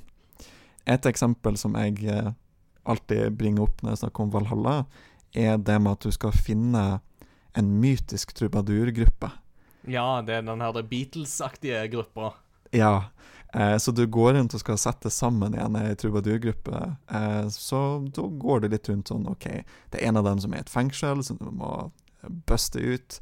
Det er en av de som er utenfor byen, eh, og som har blitt veldig spirituell. Det, det er mange sånne forskjellige tråder som du må prøve å knytte. Og måten det avsluttes med, er at de skal da begynne å spille en konsert for deg. Og så med en gang de har satt seg ned, og det begynner å planke, så bare kommer det opp en sånn quest, uh, quest completed. Du har gjort questen. Og så spiller de bare sånn generisk uh, gatemusikk som hver enkelt trubadurgruppe har spilt, som du har gått forbi. Å nei. Så de har ikke orka å lage en egen sang, eller egne animasjoner, eller en cinematisk sekvens som skulle vise det her, da. Mm. Og det, føltes, det føles ut som latskap. Men det jeg egentlig tenker det er, er at det er bare sånn spilldesignet til Ubisoft er. Mm. Ikke sant? De prioriterer at de har fem av de her, i stedet for én som er animert Mm. og laga cinematisk. Mm. Og det her var vi jo inne på også i, i kunngjøringene, men sportsspill Der er det åpenhet for mer mangfold og mer åpenhet. Altså, Det var jo vesentlig større back in the day. Eh, Sånn som med Mm. fotballspill. Det kom jo gjerne flere fotballspill enn man kunne telle på Telle på en hånd i løpet av et år. Eh, og nå er det jo veldig begrensa, så det er jo Og det, det, det er jo et sånn veldig tydelig eksempel på da at, at um, Hva skal du si? eh, Spillutvikling tar mye mer tid og krever mye mer ressurser i dag enn det det gjorde før. mm. Det er jo absolutt sant òg. Jeg tenker på sportsspill sånn som Fifa, som vi har nevnt, men også NHL. Jeg liker veldig godt ishockey. Hvis det kunne blitt laga utenom EA, Mm. så hadde det, det vært fint. For det er jo flere problemer det introduserer, sånn som NHL har jo ikke blitt sluppet på PC siden 2009. Nei, stemmer det. Det har vi Eh, jo vært inne på. så da må, må man jo på konsoll Mm. for, for å spille det. Selv om man skulle ønske å spille det på, på PC. Og det er jo litt dumt òg, da, hvis du, har, eh, hvis du bare har GamePass på, på PC. Så har du tilgang til Fifa, og du kan Mm. ikke spille NHL. Så da, da er man der. Men det er litt vanskelig for meg å si hvem andre, hvilket annet studio kunne lage bra sportsspill. For det er jo ingen andre som gjør det. Nei, altså 2K prøver seg jo, men de, la, altså, de har jo de her basketspillene, og de er jo bare Det er ting som er låst bak en betalingsmur, det. det. Det er et sorgens kapittel. De prøver å tjene 2K per spiller. det er der det ligger. Aha. Men altså, jeg, jeg syns at eh, det som er mest interessant for meg, er en story. Jeg tror man må jobbe veldig mye med mekanikkene i et sportsspill før det blir interessant for meg å spille gjennom 80 kamper på en sesong, Mm. som det er i ishockey. det er ikke sant. Da vil jeg heller liksom ha en sånn storydreven eh, progresjon, der du kanskje spiller gjennom 20 kamper på en sesong, Mm. og så er det en litt sånn, ja, fortelling som skjer. Ikke sant. Eh, men for, for mange andre så kan det sikkert være viktig med enda bedre mekanikker. For det er klart at monopol er jo ikke lurt for å få til et bedre spill. Nei, det, det generelt sett så er det godt med litt konkurranse, uansett hva, hva feltet må operere i. Mm. Det siste som jeg tenkte å dra fram med det med andre studier, er jo det som på langt vei er bekrefta allerede eh, kommer til å skje. At eh, Fallout eh, kommer til å gå over til Obsidian, eller iallfall at de får lage New Vegas 2. Mm. Det tror jeg er veldig mange som er gira på. Eh, da tror jeg i alle fall, altså Hvis det skjer, så tror jeg jo blant annet at Kenneth, som vi hadde innom for et par episo- episoder siden, kommer jo til å bli hoppende glad hvis det skjer. Det tror jeg det, det er nok drømmen til veldig mange. Eh, og altså, jeg vet ikke altså The Outer Worlds var jo noen spill som jo på mange måter føltes som en sånn videreføring av den klassiske Fallout-tradisjonen. Og Mm. jeg, jeg, jeg elsker det jo. Altså, jeg syns det var kjempegøy. Altså, for meg så var det jo litt sånn at vi, Altså Men for meg så har Fallout-spillet gått helt an tidligere. Det har liksom vært et eller annet med at jeg har vært for seint ute til de, eller at det har ikke vært på en måte helt min greie, eller sånt. Og så kom de Outer Worlds, og så var det sånn Å, nå, nå skjønner jeg hvorfor folk eh, har det forholdet som de har til de spillene. Altså, Hvis det er denne følelsen du får, da skjønner jeg det veldig godt. Men så hadde du jo andre som var liksom gamle mm, liksom, fans, som var liksom litt sånn At det, det ikke traff helt eh, med blant annet characters og sånt. At de følte at mm. en del av disse companions rett og slett ikke klarte helt å feste seg ved dem, da. Jo, um, jeg har hørt en del om det òg, fra andre som jeg kjenner som er fans av Fallout, men ikke av Outer Worlds. En annen ting som har vært poenget da, har vært at den her liksom satiriske kritikken av eh, eh, store selskaper var litt for gjennomgående eh, i spillet. I motsetning til hvordan det har vært i Fallout, der det er på en måte Ja, det er mange forskjellige factions med mange forskjellige stories, og så kan du ha kanskje én faction som har noe sånn veldig utprega satirisk, men det liksom overskygger ikke hele spillet, da. Mm. Men ja, jeg tenker jo at New Vegas 2 kan, kan være gøy. Jeg syns jo de fikk til mye bra med story, valg, rollespill, karakterer. På den måten at det, det er så mange måter å løse hovedstoryen i New Vegas, syns jeg jo er veldig genialt, egentlig. Mm. Men samtidig så føler jeg at enkelte av de elementene som Fallout 4 introduserte, syns jeg de burde ta med. Mm. Jeg syns at hele den greia med å eh, endre på våpnene, endre på rustning, eh, bygge opp eh, baser og, og faktisk ha en bruk for maten som du har funnet i alle Fallout-spillene, men som ingen noen gang har brukt. Ikke sant? det det syns jeg kunne vært gøy. At du faktisk tar det mer i en survival-retning, som Mm. gir mening, da. I denne kategorien som vi jo nå har hatt nå, så har jeg jo et sånn drømmekonsept. Eh, og det har jeg jo snakka om tidligere, det mener jeg å huske, eh, i en lytterpost. Eh, for jeg Covid, altså Post-covid-hjernen min er jo liksom det med å huske ting. Det er ikke alltid like lett. Men altså, jeg mener jo at vi har jo hatt en lytterpost med at du får ubegrensa budsjett til å lage spill. Hva lager du? Og da var jo mitt konsept, som jo passer godt her, var jo da Castlevania med Platinum Games, med en story av uh, han uh, Yoko Taro. Oh. Som jo eh, Altså med Nier Automata altså, altså den komboen med Yoko Taro og Platinum Games Den har funka veldig bra før. Og hvis du i tillegg får sånn Castlevania-formel på det, så hadde det vært usannsynlig gøy.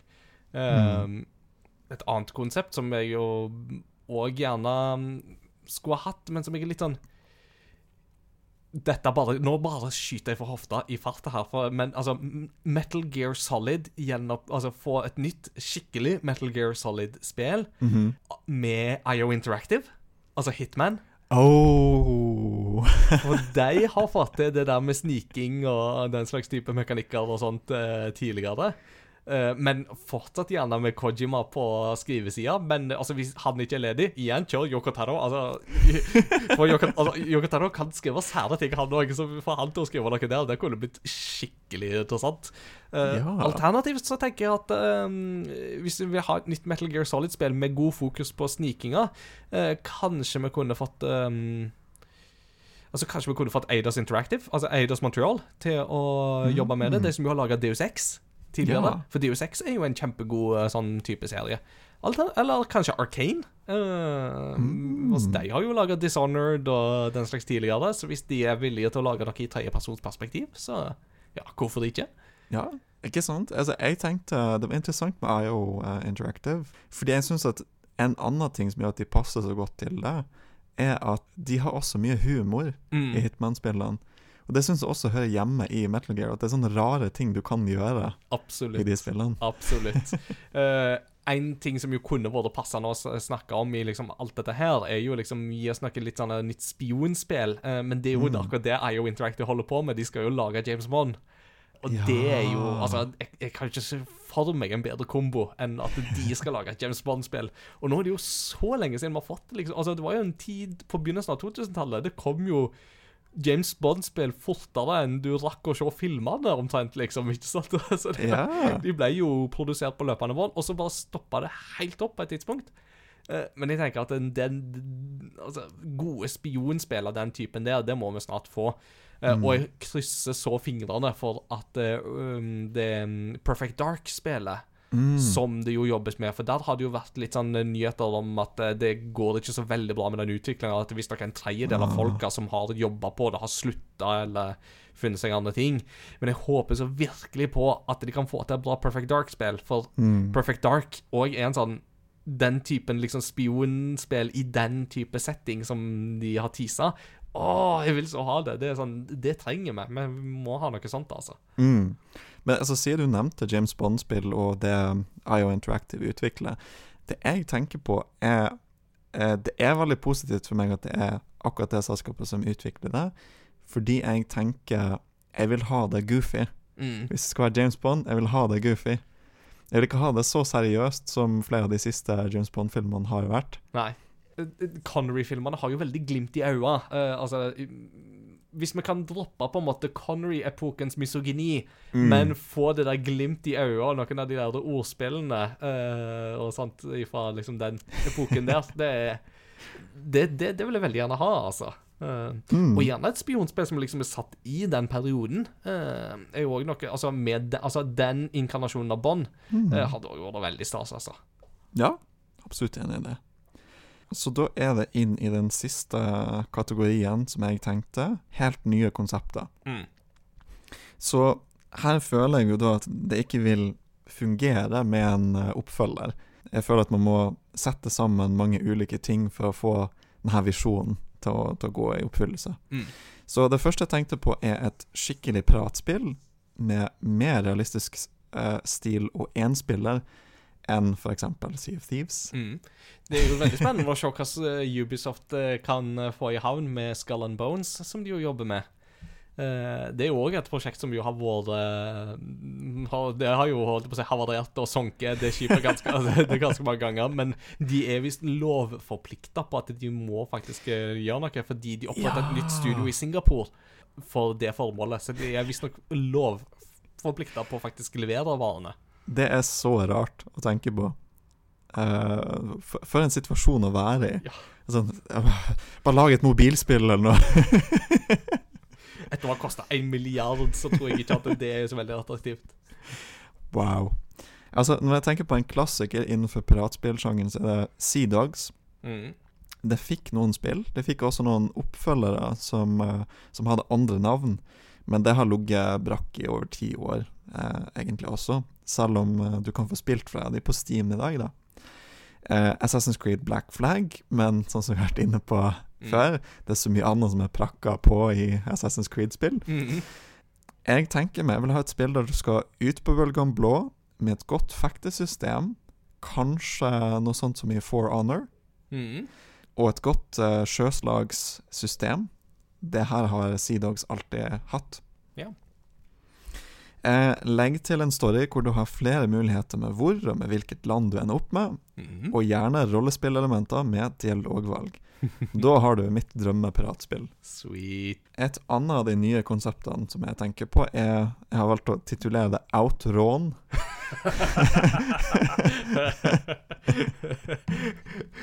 Eh, klassisk Sega uh, Klassisk Sega-design møter norsk rånekultur. Ja. Så uh, det er jo da et bilspill som er helt laga etter mine egne interesser og mine ønsker. Yes.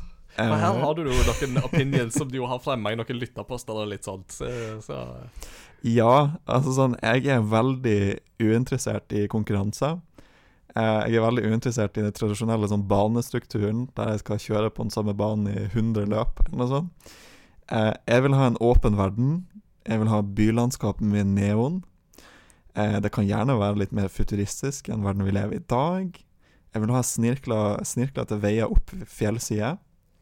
Og jeg vil ha mange forskjellige aktiviteter. Det som er, det som er standard i spill allerede i dag, som har sånn her type struktur, er jo å ha en driftesving eller en drifterute, eh, å ha hopp og ha fartskamera. Du skal kjøre så fort eh, forbi det kameraet. Men det finnes mange nye ting man kunne gjøre, syns jeg. Altså Nye forslag. Ta beste bilde i en drift. Mhm. Gjør en tandem-drift. Det her er noe som de faktisk gjør i drifting i virkeligheten når de har driftekonkurranser. Da kjører du to biler, og så er det på en måte om å gjøre å komme nærmest bilen som er foran deg, i driften. Mm. Og selvfølgelig å breie mest ut samtidig. Eh, du kan gjøre driftespor, at du følger et slags sånn spor, så du skal gjøre det på en spesifikk måte. Og du kan gjøre minispill òg, rytmespill der liksom soundtracken følger måten du skal drifte på. Mm.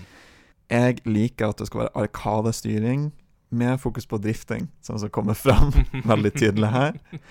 Og eh, da har jeg ikke nødvendigvis noe behov for Lamborghini eller Ferrari eller noe sånt.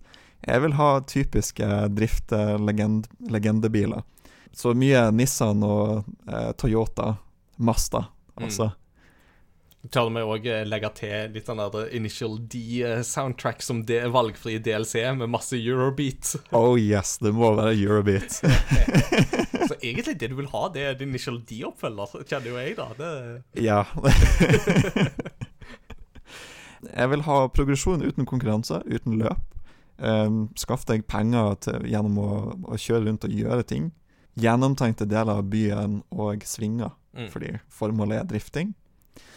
Og så i DLC så kan du liksom legge til en ny bydel med nye ideer, nye tanker, nye svinger. Mm. Ja, og jeg nevnte jo også det her uh, tidligere, men ideen som vi hadde med Metroid Prime med Shadow of the Colossus-elementet Mm. Make it so. Ehm, det, er ikke, det, det er ikke nødvendigvis min fremste drøm, uh, fordi jeg er verken veldig rutinert i Metroid eller i Shadow of the Colossus, men jeg ser definitivt potensialet med eh, Ja, eksempel med det at i Super Metroid så møter du mye større fiender enn i de tidligere spillene. Og eh, flere av dem har jo lyd fra kaijus i, Mm. fra Godzilla-universet. Mm. Så da, da passer det liksom bare godt at du har eh, noen flere sånn klatre- eller plattformelementer, lengre bosskamper. Ja, Rett og slett. jeg tror det er, det er mange muligheter i det. Et annet, en annen uh, spillutvikler som jeg har veldig godt forhold til, som spiller veldig mange av spillene deres, er Paradox Interactive. Ja. De svenske strategiutviklerne. Mm. um, jeg vil ha et spill som er enda litt mer inngående på det med events og kulturting. ja. Em, det er mye av det allerede i spillene, men jeg tenker på noe som kan gjøre arbeid som AAR-community har gjort i alle år. Uh, after action reports. Mm. Um, så det vil si at etter du har spilt igjennom, så lager du en slags sånn story eller en fortelling om det. Mm, ja, altså, vi har jo hatt um, Altså, i vår community så har vi jo Nikolai har jo vært veldig hardt på, Yeah. på, på det med Om det var Crusader Kings 3 han gjorde det med, tror jeg. Kanskje. Hvis jeg husker yeah. rett. Ja. Så, så det syns det syns jeg absolutt er gøy, men det er litt arbeid å skrive og gjøre det her selv. Det er klart. Så det hadde vært gøy liksom hvis man kunne fått noe sånn som en avis eller uh, krønike, uh, som kunne virkelig fortelle fra, fra uke til uke hvordan historien har forandra seg, Mm. hvordan verden faktisk ser ut, og gjerne kanskje inspirert av mm, verden som vi har hatt, historien som vi har hatt. Mm. Jeg tenker jo f.eks. på hvordan kan et spill få meg til å føle at 1800-tallet ble en Pax Francia i stedet for Pax Britannica. For eksempel. Det er jo et veldig spennende Altså, ha den slags type alternativ historie hadde jo vært kjempespennende. Mm. Og det er akkurat det som kommer fram. Jeg liker narrativer. Mm. Eller den som Big Bang Theory presenterer. Hvordan ville den amerikanske borgerkrigen utvikle seg hvis det viste seg at Abraham Lincoln var en cyborg for framtida? Ja, det har vært veldig interessant, altså. Mm. Det er et filmkonsept. Ja, altså, det er jo oppfølgeren til Abraham Lincoln Vampire Hunter, tenker jo jeg, da. Uh, en film Wow. som egentlig ikke er så veldig bra, men bare konseptet i seg sjøl gjør den filmen mer enn god nok til å se og kose seg med. Oh yes. Yes. Det er sånn B-film B-film sånn som B-film skal være. Noen ganger er B-film bedre enn en A-film. Ja, ja, ja, helt klart. Helt klart. Still better than Twilight. Oh yes. Og den siste på en måte sånn pitchen som jeg har, er jo òg veldig personlig. Jeg, eh, jeg liker jo veldig godt Dragon Ball. Ja. Eh, Det var serien som fikk meg eh, til å bli fascinert av Japan og av anime og manga. Jeg tenker jeg vil ha en Dragon Ball RPG ja. Der man kan ta storyen i hvilken som helst retning. Det er lignende ting som har fantes før, f.eks. Supersonic Warriors eller Xenoverse. Eh, I sistnevnte, i Xenoverse, så er litt av poenget å prøve å unngå forandringer i tida. Mm. Så det er liksom, du hopper inn i en hendelse der noe annerledes har skjedd, og så skal du stoppe det. Ja. Det- det syns jeg er litt liksom kjedelig. Liksom, liksom Time Variation Agency. Altså, uh, det altså Loki, basically. Altså, ja. så Samme selskapet der Altså, Du skal opprettholde The Sacred Timeline, basically. det, det er rett og slett det du skal gjøre i Xenoverse, men jeg syns det er litt kjedelig, fordi at du får ikke liksom muligheten til å se butterfly-effekten. Du får ikke muligheten til å se Ok, hva hvis dette skjedde, så ville det skje, og så ville det skje. Så det jeg gjerne vil ha, er at du spiller gjennom handlinga i Dragon Ball Z fra seien til Bu-saga, Mhm. og underveis så velger du liksom karakter, eller karakterene du vil bruke. Styrkeforholdet mellom dem tenker jeg burde være realistisk, sånn som det er i serien. Eh, hvis du vil Krillin skal være den som tar selv, så må du trene ganske, ganske mye. Ikke sant? Um, jeg, tenker, jeg tenker kampsystemet kan godt være turn-based, som i en JRPG, eller aktiv turn-based, som har blitt mer populært de siste par årene. Eller bare fighting med veldig innflytelsesrike stats. Mm. Jeg tenker at karakterene du bruker, forandrer storyen, sånn at det er mye gjenspillbarhet. Hele spillet bør være en what if-story. Hva om Yamcha var helten? Mm.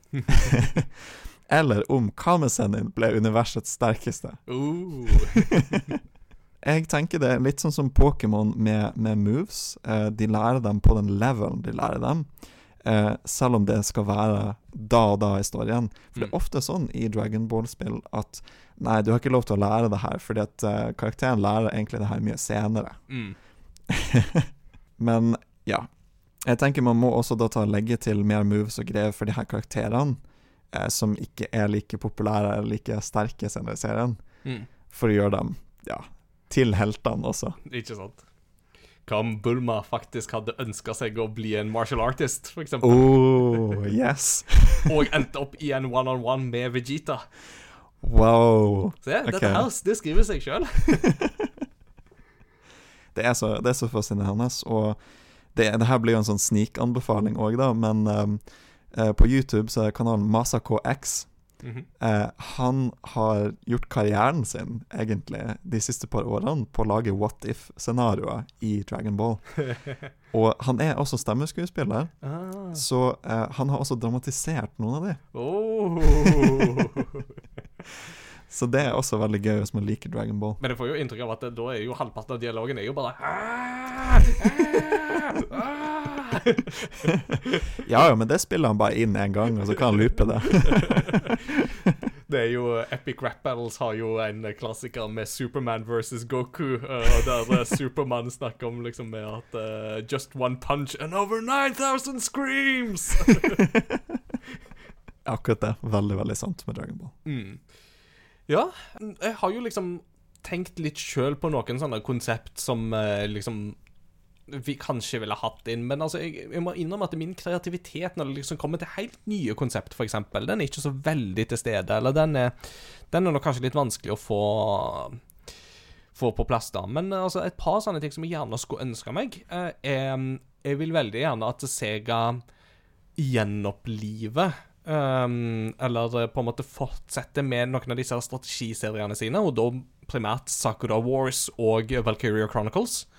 Eh, og da vil jeg at de går tilbake til Sakura Wars sånn som det var i sin tid. Gjerne på en måte Altså Hvis de hadde relansert uh, de fire første Sakura Wars-spillene i en ny pakke, uh, hadde vært kjempemessig. Eller fortsette med Valkyria Chronicles-serien, som har fortsatt potensial i seg, men at de må gjøre mer nytt enn det de gjorde med firen, som var en litt sånn Den var relativt statisk. Ja. Um, en annen ting som jeg gjerne skulle også sett at det hadde kommet ut, var egentlig en samlepakke med Xenosaga-serien. Uh, som er jo en av disse her rollespillseriene. Uh, altså Xenoblade Chronicles er jo en åndelig videreføring av den serien. Men det begynte jo med Xenogears på PlayStation, og så gikk det videre til Xenosaga på PlayStation 2.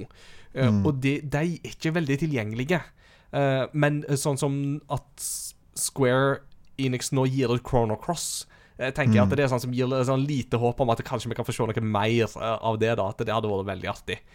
Um, I den forbindelse så skulle jeg òg veldig gjerne hatt en samlepakke med oh, Et av disse andre klassiske seriene som Jo, um, uh, jeg ville gjerne hatt Quintet-spillene ja.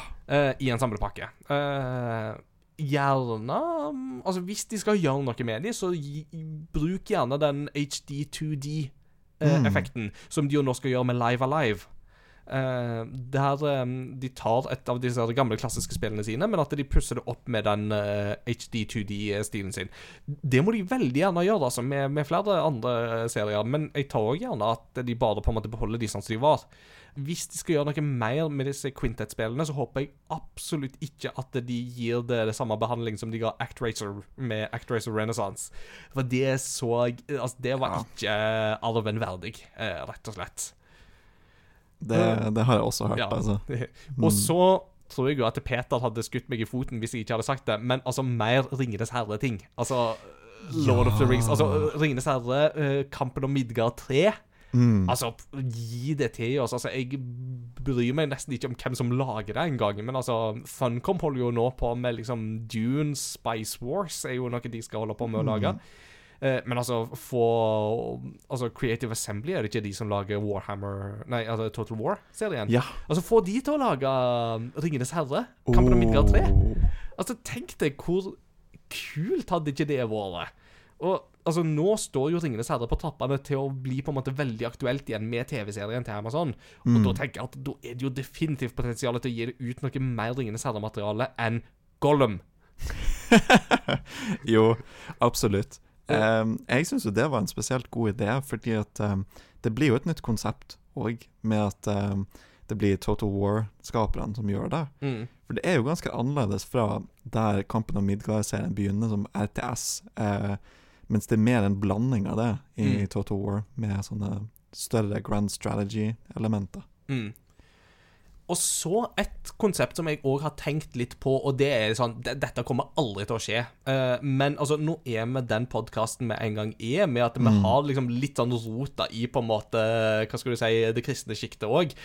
og det, det må jo sies at spill som har forsøkt seg på å liksom lage sånn bibelrelaterte ting, de har stort sett ikke vært bra. Altså, det har stort sett vært hemskt. Altså, Noen ganger har det til og med vært blatantly racist. og det har rett og slett ikke vært så veldig bra. Men jeg tenker at et konsept som potensielt sett kunne fungert, hadde vært hvis Paradox, som du nevnte, hadde laga et Crusader Kings-lignende spill basert på kongeperioden i eh, altså det gamle Israel. Hvis du liksom tenker fra på en måte liksom gullalderen fra liksom David og Salomo til du får rikets splittelse i to, og så får du liksom alle de dynamiske kampene med liksom mange forskjellige instanser, hvor du har kongeriket rundt som driver på og pusher på og litt sånn.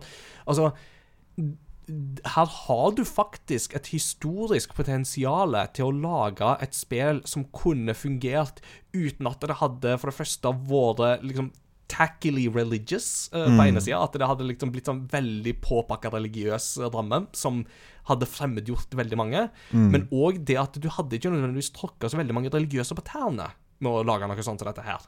Uh, og jeg tror jo det at det, Altså det, det er jo for så vidt hva begrenset kildemateriale vi har. Der er det jo sånn Man må på en måte benytte seg av det man har, men man, altså går man på en måte til eh, syriske og babylonske kilder i, i tillegg til liksom alt annet som måtte finnes, så, så i tillegg til arkeologiske funn som man måtte ha, og sånt, så er det absolutt potensial her for å lage noe veldig spennende og dynamisk som kanskje òg kunne vært eh, Kanskje kunne vært litt lærerikt òg, da. Jo, absolutt. Altså, du, du minner meg jo på det at uh, Paradox Interactive har jo mange spill som, som dekker sånn stort sett fra liksom år 800 til eh, den dagen i dag. Mm. Har de eh, mye spill sånn som, eh, som gjør det. Um, og de har prøvd flere ganger eh, å, å dekke romertida, og dekke liksom Ja, år null, eller før år null. Mm. De har aldri helt fått det til. Nei. Det siste forsøket havarerte jo eh, med noen patcher og en, eh, og en DLC, og så ble det ikke tatt opp igjen. Og det tror jeg var mange som syntes var synd. Mm. Um, for det er dumt med det. De, de får liksom ikke helt til før middelalderen. Nei, ikke sant? Så det å liksom få til noe liksom ifra liksom den der Altså fra årtusenskiftet, sånn 1000 før Kristus, fram til på en måte framveksten av Alexander den stores rike, eller noe sånt, liksom, altså hatt noe som dekka den, den 700-årsperioden der. Altså, jeg tror det kunne vært interessant. det er jo en periode som ikke har vært veldig mye dekka innenfor eh, gaming generelt, og kanskje ikke på en måte i populærkultur heller, egentlig, men som faktisk har potensial til å kunne mm, være noe, da. Tenker jo jeg, da. Uh, og så gjør man, hvis man gjør det liksom litt sånn tactfully og respectfully, så tror jeg at du kan absolutt få til dette uten at det som sagt verken tråkker eh, religiøse instanser på tærne, eller at du får liksom ting som blir så på en måte sånn skal catere veldig til på en måte det amerikanske bibelbeltet, f.eks. Mm -hmm. som jo da fort kan bli veldig smalt igjen. Eh, så noe sånt. Jeg tenker at det, det hadde vært litt gøy, da. Jeg tror ikke det kommer til å skje, men altså Jeg skal innrømme at det hadde vært litt gøy hvis det hadde skjedd, da. Det, Mm. Jeg, jeg kom på også, sånn siden vi var inne på det Altså, har, har det skjedd en oppdatering med situasjonen rundt I am Jesus Christ? ja, du, jeg tenkte på det forleden dag, faktisk. Om det var sånn at, Har det skjedd noe nytt der? Men det har ikke skjedd noe nytt der. Så det, sånn, det spillet der, det er fortsatt under development. Jeg vet ikke. Vi får ta oss og sjekke opp i pausen eh, om det eventuelt er under utvikling fortsatt. Ja, jeg syns jo det er en viss ironi der, at man fortsatt sitter og venter på at det skal komme ut. Vi venter på Messias. ja. Eh, det, er noe, det er noe paradoksalt ved det, ja. Absolutt. Eh, nei, nå har vi holdt på veldig lenge i del 1, så jeg tenker at vi skal ta en pause. Og så skal vi tilbake igjen til del 2, og da skal vi annet innom Kingdom Hearts sitt 20-årsjubileum. Så vent og se, folkens. Vent og se.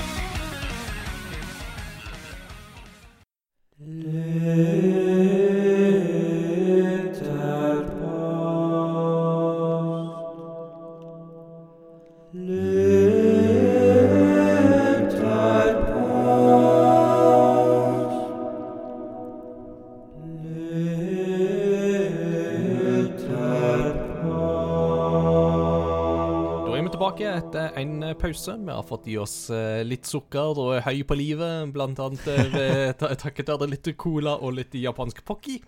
Og da er vi klare til å høre fra lytterne våre i Lytterposten. Eh, I Lytterpost så stiller vi spørsmål til lytterne i sosiale medier, og så svarer de oss fortrinnsvis på Facebook eller på Discord. Denne gangen så er det stort sett Discord, eller bare Discord de har svart på, så, men da har vi spurt Denne uka fyller Kingdom Hearts-serien 20 år. Woo! Hei. Uh, vi hadde et håp om å få til en Kingdom Hearts-episode denne gangen, her, men dessverre så mm, kunne ikke eh, Jon Edvard, som vi hadde spurt. eh, Så, men eh, det kommer nok, sannsynligvis, så kommer vi med en Kingdom Hearts-episode. Spillserien den er kjent for å blande elementer fra Final Fantasy med diverse Disney-univers. Hva Disney-verden kunne du tenke deg å besøke? Så jeg tenker at eh, da er det jo bare å gå i gang på um, Discord, og da har Godspark, eh, eller Jon Vegard, han har skrevet Det der Disney-universet hvor man kan fly fritt over endeløse ørkener, nyte ukolonisert natur, besøke steder bestående av is eller byer under vann, benytte overnaturlige krefter, møte dyr som kan snakke og udyr som er vakre på sitt vis, og få høre historien om hvordan en ubetydelig gutt ble sammen med en prinsesse. Og så fikk de med da. jeg syns det er en veldig kreativ måte å si Star Wars. Ja. og det er jo litt sånn Ja, det, Disney er jo Star Wars nå, så det er jo Ja. det er helt, helt innafor. Det er absolutt muligheter for det, og de har jo allerede gjort det i Sims. Så Mm. det er jo en nedlastbar pakke med Star Wars. Ikke sant? Det var jo sånn ting som jeg tror veldig mange hadde et håp om å få i Kingdom Hearts 3, som de ikke fikk. Mm. Fordi at eh, Da kunne vi fått svaret på liksom et av de viktigste spørsmålene her i livet. Hva er sterkest, lyssverd eller keyblade? eh, eh, Kom an, Kingdom Hearts 4, det, det må dere faktisk, det må dere faktisk gjøre noe med, altså. Ja. Eh, jeg kan jo ta eh, Skorpus, eh, Mm. Adrian. Eh, å få jobbe med Fantonel hadde vært gøy. Åh Deretter kunne det være artig å stikke innom Monster Inc. og Monster High, men altså det meste av Disney og Disney slash Pixar er gode greier. Vi vil også nevne en som har altfor lite oppmerksomhet, nemlig Darkwing Duck. La oss bli farlige. En spennende del av Andeby slash Disney. En siste ting. Hele Mickey Castle of Illusion er flott. Yeah. Castle of Illusion er jo definitivt uh, Ja, den, den liker jeg, altså. Eh, vi holder oss liksom litt sånn i det samme sjiktet, for Eirik han skriver Her vil jeg gjerne sitere introene til Ducktales på norsk. Mpe, mpe, mpe, mpe, du Kom, bli med til Andeby, møt en kjenning. Etter å ha lest så mye Donald er det helt klart dit jeg ville dratt. Tenk å møte Donald, Ole, Dole, Doffen og onkel Skrue. Kanskje jeg kunne fått bade til penger? Jeg tror du hadde fått vondt i hodet hvis du hadde prøvd, men uh, Eller fått meg et eksemplar av Hakkespettboka. Uh, den vil jeg ha. Og så dratt sammen til Skottland og sett slottet til McDuck-klanen. Drømmen. Ja. Yes. Det er Ducktales woohoo, sier jeg, altså. Det er lett med på den. Ja, altså, jeg liker jo veldig godt uh, DuckTales, husker det fra barndommen. Mm. Så hadde jeg ikke sagt, uh, sagt nei til å gå tilbake igjen til det. Nei. Jeg sitter jo og ser litt Ducktales jeg nå på Disney Pluss av og til. Bare fyrer det litt opp sånn, bare sånn hvis jeg har 20 minutter, bare Ja. ikke har orket å se noe annet. Jeg hadde jo en gjennomgang av Spiderman, 90-talls animasjonsserien, og nå er jeg jo ferdig med den. Så sitter jeg og ser litt Ducktales av og til. Og den introen den hopper du aldri over, altså. Det er noen introer her i verden du aldri hopper over, og det er liksom sånn Peacemaker er en av de, Ducktales er en annen av de. Så sant, så sant. Ja, jeg tar uh, Masterballs til slutt. Eh, jeg sier bare A. Et kongerike for en lama, og B. Sjøveuplaneten. Redde verden med Kronk på et Surface Spaceboard? Ja takk. Å, det er så genialt du finne på. og jeg elsker det. Og Martin, ikke Never stop your creativity. Men, men ja, um, hvis vi skal ta våre egne, så er jeg litt enig med Martin der. Sjørøverplaneten.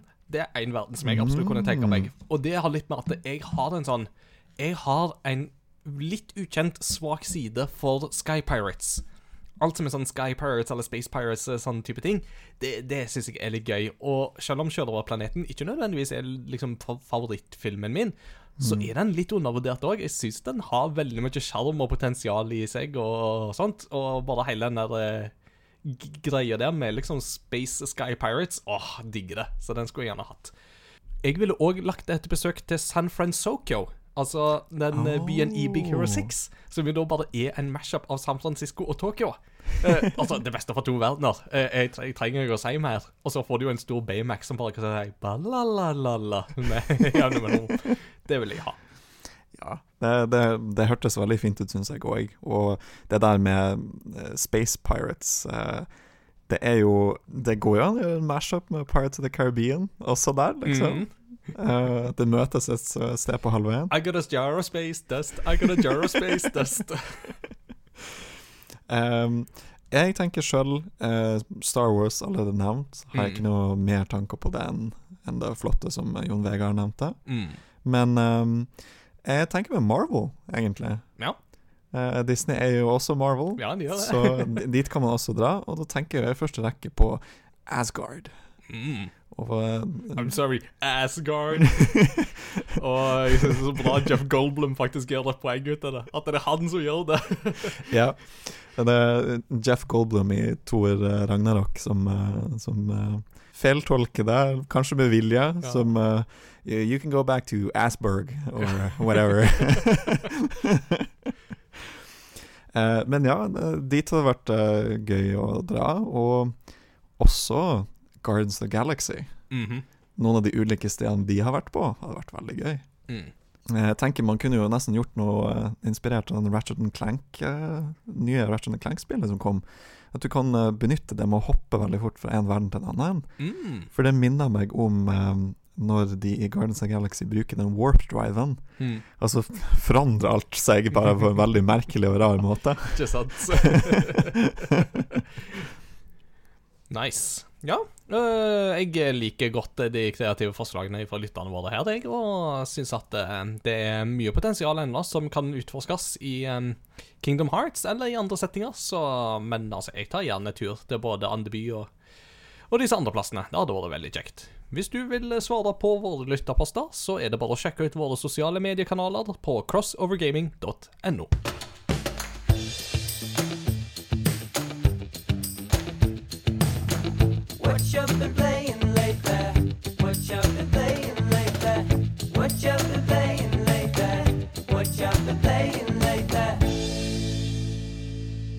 er det på tide å snakke litt mer om hva vi har spilt i det siste. Eh, Og da syns jeg jo at gjesten skal få lov å begynne. Så Sigrun, hva, hva har det liksom gått i for deg i det siste? Dragon Age har jo vært name-droppa allerede, så kanskje vi Er det noe mer å si der?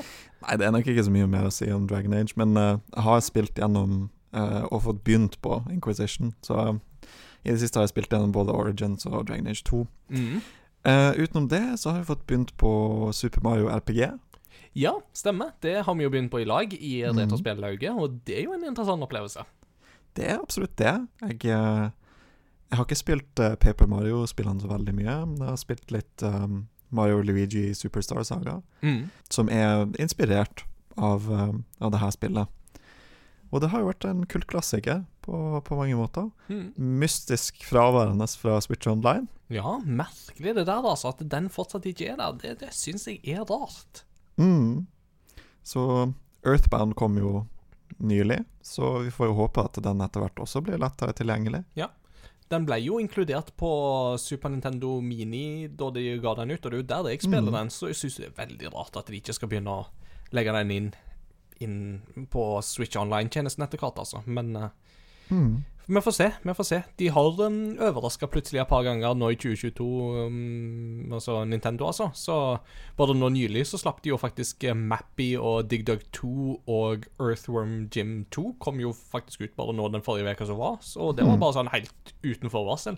Så plutselig så um, finner de seg for godt og, Eller finner de ut at de skal gi ut Super Mario RPG òg. Kanskje de venter på et eller annet eh, lansering eller en eller annen- Ja, hvem vet? Kanskje de venter på en anledning ja, liksom, Mm. til, til å gjøre noe spesielt med det. Ellers så har jeg spilt uh, Yakuza 0. Å, dame dane, Dame yo, dame, dame yo. Å, Yakuza 0, ja. Ja, altså, jeg plukker det opp med jevne mellomrom, så jeg har vel kommet til sånn kapittel 6 eller noe sånt, men jeg har brukt sånn 60 eller 70 timer på det. Oi. Så det, det er liksom hele denne Jeg blir så lett distrahert av alle de andre tingene du kan gjøre. Mm. Jeg blir så liksom sånn opptatt av å gjøre de andre tingene ferdig. At det kommer aldri gjennom spillet. Yes, jeg må, jeg, må, jeg må finne den som eier The Empty Lot, men først så må jeg gå på disko og danse Friday night. Ja, så det jeg holdt på med sist, var den bowlinggreia. ja. Der du skal prøve å gjøre sånn umulige bowlingskudd. Mm. Så eh, det, det bruker man ganske mye tid på. Ja. Um, Men hva syns du om på en måte settinga og storyen og sånt i Yakuza 0 så langt? Altså, jeg har jo falt veldig pladask for Yakuza og har jo snakka varmt om det ved flere anledninger, men eh, hva, hva syns du? jeg liker det veldig godt, men det viser jo på en måte måten jeg spiller det her spillet på, at det er noen ting som kunne vært bedre, som kunne gjort at jeg hadde bare slukt hele serien. Eh, det er litt det at du har veldig mange interessante og varierte minispill som fungerer på veldig forskjellige måter, men jeg syns at det generelle vanskelighetsgradsnivået på dem er litt vel vanskelig Mm. for å, for å få til. Um, så derfor ender det opp med at jeg liksom Jeg spiller det i et par dager, og så går det en pause på en måned, og så spiller det igjen. Og det her er vel det nærmeste jeg kommer en, en Souls-opplevelse som, som spiller. Jeg, jeg bare driver og spiller minispill. Jeg liksom sånn Nå skal jeg utfordre meg sjøl. Nå skal jeg prøve å mestre biljardspillet i Yakuza. og så får du bare opp 'You died'. ja. Men ja, jeg er veldig stor fan av settinga og eh, liksom den atmosfæren du får Mm. i det spillet. Mm. Jeg, jeg, er jo, jeg er jo litt for ung til å huske Japan fra 80-tallet, men jeg husker jo Japan fra tidlig 90-tallet. Eh, og det, altså, dette spillet jo satt liksom før på en måte jappetidsbobla sprakk liksom skikkelig. Uh, så den er jo satt til 1988. Eh, men det er fortsatt veldig mye gjenkjennelig sånn, rent sånn på en måte estetisk og kulturelt og motemessig og sånn, så jeg, jeg kjenner meg så utrolig igjen. Og syns de har gjort et solid håndverk eh, med å liksom gjenskape den der 80-tallsatmosfæren i Japan i, i dette spillet. Og så syns jeg jo at storyen òg er jo kjempespennende. Altså Grunnkonseptet her er jo det at det er jo Altså, dette Kamurocho, altså den bydelen, skal jo på en måte det, det, det er jo snakk om å på en måte fornye hele distriktet ikke sant, i forbindelse med liksom den her boligbobla som er fortsatt pågående, og sånt, og plutselig så er det liksom en vel, en knøttliten tomt, i, nærmest i sånn ingenmannsland, som på en måte ingen eier, og som bare på en måte binder opp hele dette prosjektet. Så den tomta blir jo verd liksom sånn her ufattelig mye penger. Og da er det jo klart at da er jo alle yakuzaene jo interessert i å liksom få tak i eierskap til The Empty Lot, som den jo heter. Karano hitotsubo. Så det er, jo, det, det er en frase du lærer deg etter å ha spilt noen timer med Yakuza 0. The Empty One Lot. Kara no hitotsubo. Kara no hitotsubo. Hmm. OK. Ja. Nei, jeg ser jo fram til å oppleve mer av den storyen. Nå har jeg blitt ferdig med bowlinga og biljard og mahjong. Det at du faktisk orker å sette deg inn i mahjong, det, det imponerer meg, altså. For det har, jeg har ikke tålmodighet til å lære meg mahjong. Og det var faktisk en sånn greie som eh, De sier jo det at uh, lokaliseringa av Yakuza Um, og da særlig Yakuza 0 var veldig problematisk, uh, med den konsekvens at uh, den uh, lokaliserte varianten er jo 500 000 tegn lenger enn den japanske. Fordi eh, de måtte forklare reglene for mahjong. Fordi de kunne, ikke bare, kunne ikke bare forutsette at folk kunne mahjong. Mm. Så derfor så måtte de legge inn liksom ekstra mange sider med hvordan du skal spille det, og taktikker og hvordan du skal gjøre det og sånt. Så det er ja, imponerende at du setter deg inn i det. Nei, jeg, jeg, jeg syns bare det er gøy, så jeg, eh, jeg begynte med shogi, og jeg syns shogi var, var veldig gøy. Men utfordrende, så måten jeg endte opp med å prøve å slå de, de beste sånn, av eh, datamaskinen i Yakuza 0, var å bruke en shogi-computer. God til. Check. Um, og så det jeg har sist på lista mi her, er Assassin's Creed Valhalla. Valhalla. uh, det har jeg bare satt opp på lista fordi jeg antok dere ville få tid til å spille det. Men jeg har ikke hatt tid til det. Ja, sånn kan det gå. Sånn kan det gå. Nei, um, jeg har jo mm, Altså da, da jeg liksom har sett tilbake på de siste par ukene, så føler jeg på en måte at jeg ikke har fått spilt noe. Og litt av det tror jeg bare handler om at jeg har ikke fått begynt på Elden Ring. og at det føles liksom litt som at jeg ligger liksom litt sånn håpløst langt bak, og kona har fått lagt inn 158 timer i Horizon Forbidden West, og jeg har fått Wow. lagt inn 40, liksom. Og det bare Åh, men, men når jeg skulle sette opp lista for hva jeg har spilt siden sist, så ble det faktisk litt spill likevel. Um, I forrige episode så snakket jeg jo en del om Triangle Strategy, uh, så jeg har spilt litt videre på det. Liksom Utforska litt sånn alternative ruter litt dypere og litt sånt etter at jeg skrev anmeldelsen og sånt. Og mm, ja, jeg står inne ved liksom det jeg skrev i anmeldelsen og det jeg sa i forrige episode, at det, dette er absolutt et spill som fans av taktiske rollespill bør sjekke ut, og særlig hvis du har liksom savna den gamle skolen av Tactics Ogre eller Final Fantasy Tactics. Selv om jeg føler at det kommer litt til kort på et par områder eh, likevel. Så, men, eh, men selv om det kommer litt til kort på noen områder, så er jeg ikke redd for å anbefale det spillet. Eh, for det er en sånn eh, sleeper hit for mange Switch-eiere, tror jeg. Som mm, bør sjekkes ut. Ja, jeg er veldig glad i Final Fantasy Tactics, så jeg burde sjekke det ut. Mm.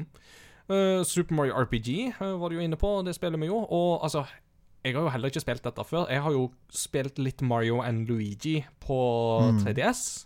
Um, og jeg må si at um, Altså, det, det jeg syns her så langt, da, er jo det at uh, uh, kampsystemet blir jeg fort litt lei av. uh, For det er en del veldig like kamper, Uh, og blir veldig mange av de, sånn som de gjerne er i rollespill på den tida. Men eh, writinga i dette spillet overrasker meg, for den er funny. Altså, Yeah. dette er et så morsomt spill. Jeg sitter og ler hele tida.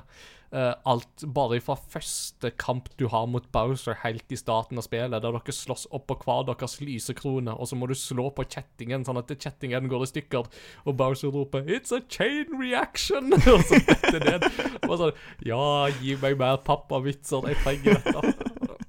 Og bare den her figuren Mallow som bare tror han er en frosk, og det er veldig veldig tydelig at han ikke er en frosk. jeg, syns, det er så bra skrevet, altså. Så det, jeg ler stadig vekk av dette spillet her, og det skal vi snakke mer om i retrospillauget. Men um, mm. uh, om ikke annet, uh, writinga vinner dette spillet på. Det, det gjør det. Um, en ting som jeg òg fikk spilt um, og anmeldt for Game Reactor, det var første runde, eller første pakke med nye baner til Mario Kart 8 Deluxe. Da har jeg spilt de åtte nye banene som er kommet ut eh, nå i første omgang. Eh, og det, folkens, det Har du Mario Kart, så må du bare sjekke dette her ut. Det er mer Mario Kart-moro, og Mario Kart 8 er jo kjempemoro fra før. Eh, det er jo da åtte nye baner. Um, tre av de er fra Mario Kart Tour, og så er det da én bane Nå må jeg bare se om jeg husker det rett. Det er én bane fra Wii, én bane fra Nintendo 64, én bane fra DS, én bane fra 3DS og Nevnte jeg Gameboy Advance? Nei. Ja, så er en fra Game Advance. Uh, så uh, Super Mario Kart og Mario Kart Double Dash er ikke representert i denne omgang, men ellers er det en del som er representert her. Og det som jeg syns er ekstra gøy, er jo det at Mario Kart Tour får vise seg fram. Fordi Mario Kart Tour er jo da mobilspillet som eh, rett og slett ikke fungerer så veldig bra å spille Mario Kart på. Ah. Altså, det, det, der, er det, der er det mye krøll. Det må nok dessverre sies. Men banene i seg sjøl, banedesignet der, er sjukt mye gøy. Eh, så du har en bane som er satt til Paris, og så er det en bane som er satt til Tokyo. Og det som er gøy med de banene, er at eh, de forandrer eh, kjørebane fra, liksom, for hvert løp. Så det vil si at det- fra hver runde. Så når du liksom har mm, kjørt første runde, og så kommer du og skal kjøre andre runde, så kan du ikke bare gå på muskelminne. For at da er det plutselig I den svingen Nei, nå har de satt opp noen sperrer der, så da må du svinge til høyre istedenfor å svinge til venstre, f.eks. Og så er det litt sånn der Må du snirkle det liksom fram og tilbake langs liksom Tokyos gater eller Paris sine gater og sånt.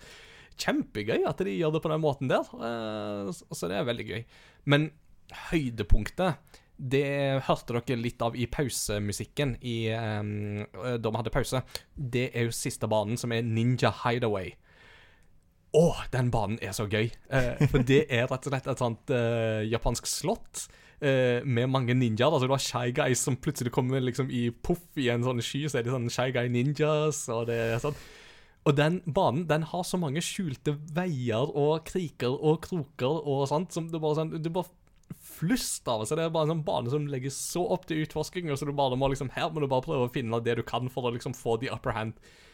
Kjempegøy. Eh, Så, så kult. Er, er, det, er det inspirert av Himeji Castle? Eller? ja, det er veldig tydelig at hvis du liksom har vært i et japansk slott som Osaka-slottet eller Himeji-slottet, eller sånt, så, så vil du kjenne liksom litt igjen i arkitektur og sånt der. Og musikken liksom så går de fra å ha liksom shamisen-solo til å liksom gå til sånn der bass-slapping og sånt. Det, det, Wow! jeg sa det i forrige episode at den tingen jeg gleder meg mest til her, det er remix av Mario Kart-musikk og liksom mer den der gode musikken der. Og det får du så sjukt. Åh. Og ikke minst, du får en saftig banjo- og munnspill-kombo i uh, Choco Mountain-remixen fra Nintendo 64. Yes! Varmt anbefalt, folkens. Kan, eh, det må bare sies. Og jeg gleder meg til fortsettelsen. Det blir veldig gøy å se hva de kommer med videre. Jeg har spilt litt mer Horizon Forbidden West. Um, jeg er ikke helt i havn ennå, for det er så lett å bli sidetracked i det spillet, for det ser så pent ut. Og jeg elsker å bare herje rundt i den verdenen der. Og det Det må jeg si, altså, at jeg syns at um, questene i dette spillet Jeg syns på en måte at um, skrivinga av quester dette spillet er er mye bedre. Altså, Mm. det kan nok oppleves litt sånn formularisk på en måte, men på en annen side så syns jeg at eh, en del av liksom samtalene rundt og dialogene og hvordan liksom de ulike situasjonene oppstår, er mye mer organiske Mm. enn en før. Altså, før så følte du liksom at en del av disse Sidequest-samtalene og sånt var veldig mekaniske og stive. Det, det har du ikke nå. altså Her har de lagt ned veldig mye innsats for å forbedre det.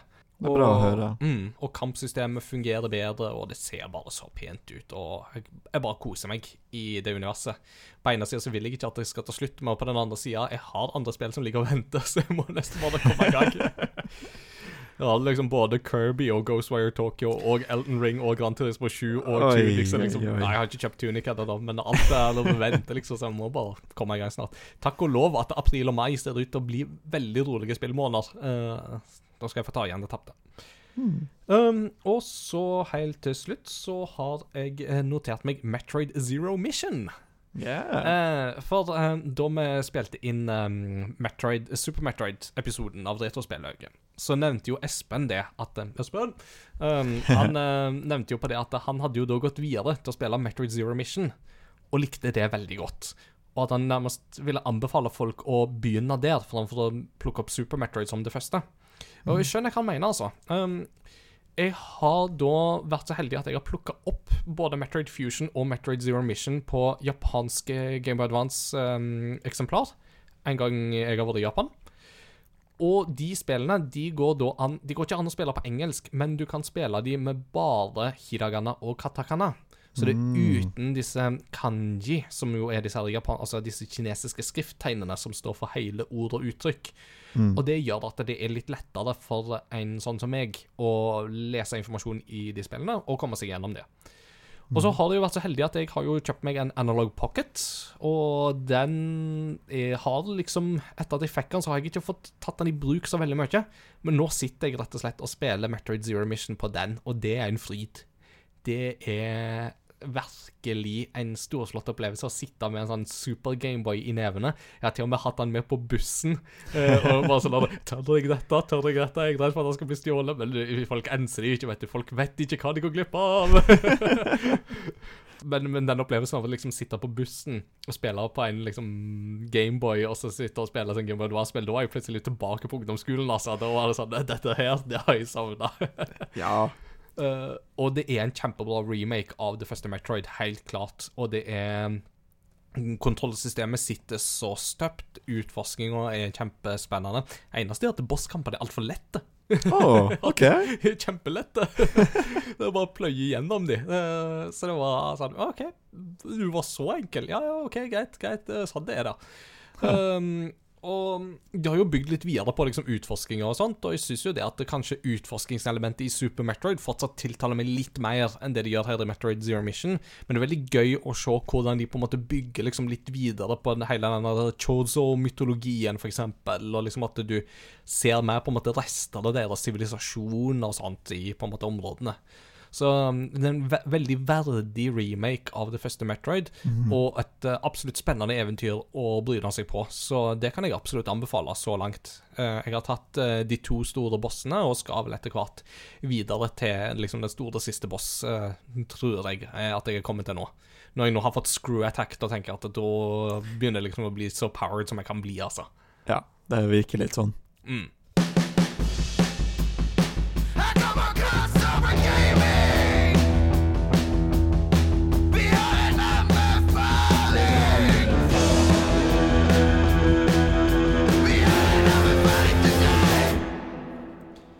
Vi skal ha noen faste spalter sånn avslutningsvis, og da syns jeg jo alltid det er gøy å spille ballen til gjestene for å høre om de har noe å komme med på anbefaling, kuriositet og postludium. Uh, og du har vært så, så Du har bare tatt hele utfordringa på strak arm. Du har tatt alle tre, så All right, Sigrun. Uh, take it away. Hva vil du anbefale for oss i dag? Uh, jeg vil anbefale to av mine favorittstreamere. Ja. Um, den ene er Vargskeletoret Joel. Vargskeletore Joel. Ja. Okay. Uh, Joel er svensk, og han har mest engelskspråklige fans, så en begivenhet som skjer hvert år med streamen hans, skjedde nå veldig nylig. Uh, på 1. april så streamer han svenske spill og snakker bare svensk. Oh, jettekul. Og da kommer alle skandinaverne ut av veggene. Eh, det, er, det er så gøy å se liksom alle de amerikanske eller britiske fansene som, som skriver i kommentarene bare "S- s- Swedish, what is this? um, han er også kjent for uh, å gjøre noe som man kaller Windows destruction. Okay. Som er at han kjører gamle versjoner av Windows og prøver å ødelegge dem med å putte så mange forskjellige uh, spamware og spyware og virus i det som han kan. Um, en av de andre tingene som han gjorde som jeg syns var gøy, er at han, han er musikalsk. Han har et eh, eget band. Uh, så han lager også musikk. Og for et par år siden så laga han et Ghostbusters-album med 24 varianter av Ghostbusters-temaet. Uh, og det, det er bare tull. Det er liksom improvisert tull. Så en av dem handler om The Ratman som bor i kjelleren. Så uh, you sne I sneak in the basement. you don't even notice. I am the Ratman. og det som var ekstra gøy med det, var at han dro til USA nylig eh, og satte fra seg eh, en CD med cover utenfor Ghostbusters-stasjonen. Nei, så gøy. Utenfor denne brannstasjonen. Ja. Så det jeg tenkte på når jeg hørte gjennom den CD-en, var bare en fan må ha plukka opp denne CD-en og forventa noe Ghostbusters. Altså, er det bare tull? det er liksom 24 sånn speeda opp eller sakka ned versjoner av Ghostbusters-tema med bare tulletekster på. Å, nydelig. En av dem er blant annet eh, Metallica-teksten, som alltid blir ko eh, kopiert inn i andre eh, sanger. Og den andre streameren er en streamer som heter Germa985. Mm -hmm. um, han, har blitt, eh, han har blitt veldig stor de siste par årene, men jeg, jeg har fulgt han siden 2010-ish på YouTube. Han gjør mye rart og spesielt. Um, han laga en Dollhouse-stream for... eh, før jul. Eh, altså som basert på den eh, TV-serien av uh, Joss Whedon? Nei um, oh, jeg elsker den. Bokstavelig talt dukkehus. Ah. Eh, så det han gjorde i fjor høst, var at han gjorde Sims in real life. Ah. Så eh, chatten kunne stemme på hva han skulle gjøre. Så de fikk opp noen ulike alternativer, og så var det liksom et sånt skuespill der de spilte Sims. Så eh, når, han, når han gikk på do og fikk eh, fiksa sin sånn bladder meter, Mm. eh, så sensurerte de han. Med sånn pi pikselerte han live. Um, de kunne også stemme på ting han skulle kjøpe. Um, og det var en hel horv med andre streamere og skuespillere som hjelpte til og spilte ulike roller. Sånn som spilte eksempel eh, noen klovner eh, som kom på besøk, som spilte Maiden eller Butleren. og det var også en som spilte Gud, Oh. som, som kom på besøk. Eh, og da, kjørte Gud en sånn liten sånn elektrisk eh, bil, sånn, sånn som barn har. Ja. Og så besøkte han han i drømmene hans. Spennende.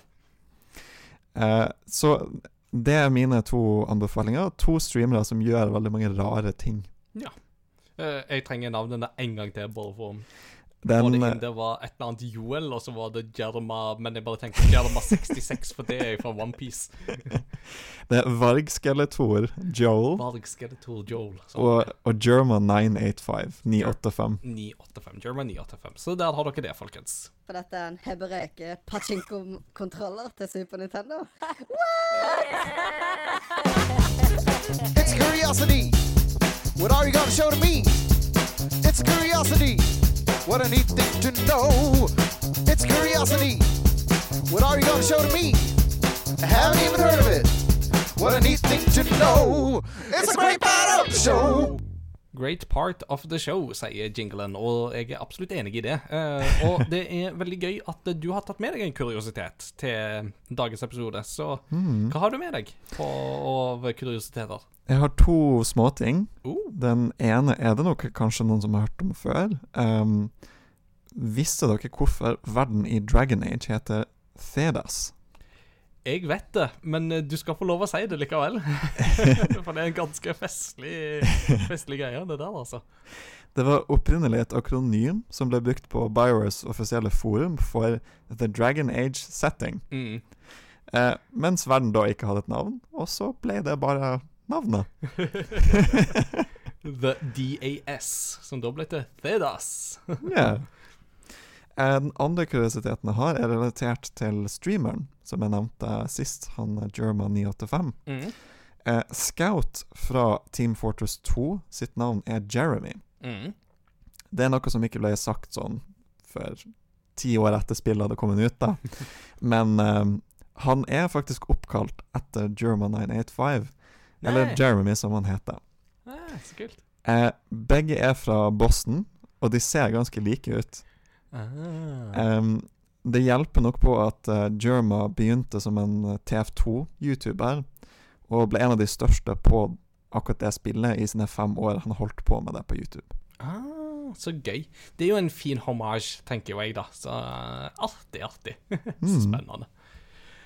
All right, nå har vi hatt en kjempelang og innholdsrik episode, folkens, og vi håper at dere har kost dere. Men Dette blir jo siste episoden nå før påske, så vi er ikke tilbake igjen før etter at påsken er omme. Men frykt ikke, vi skal avslutte med et postludium som vanlig. Og hva har du lyst til å avslutte med i dag, Sigrun? Jeg må jo ta noe som er fra F-Zero, sånn at vi slutter sirkelen, går tilbake igjen til der vi begynte. Yeah. Eh, så um, alle har vel hørt om Mute City og Big Blue, Mm. men har du hørt om Port Town? Har du ikke hørt om Port Town? Jo, jeg har det, men kanskje ikke de som hører på, har det. og da må vi gjøre noe med det, for det er jo et uh, heseblesende track, altså.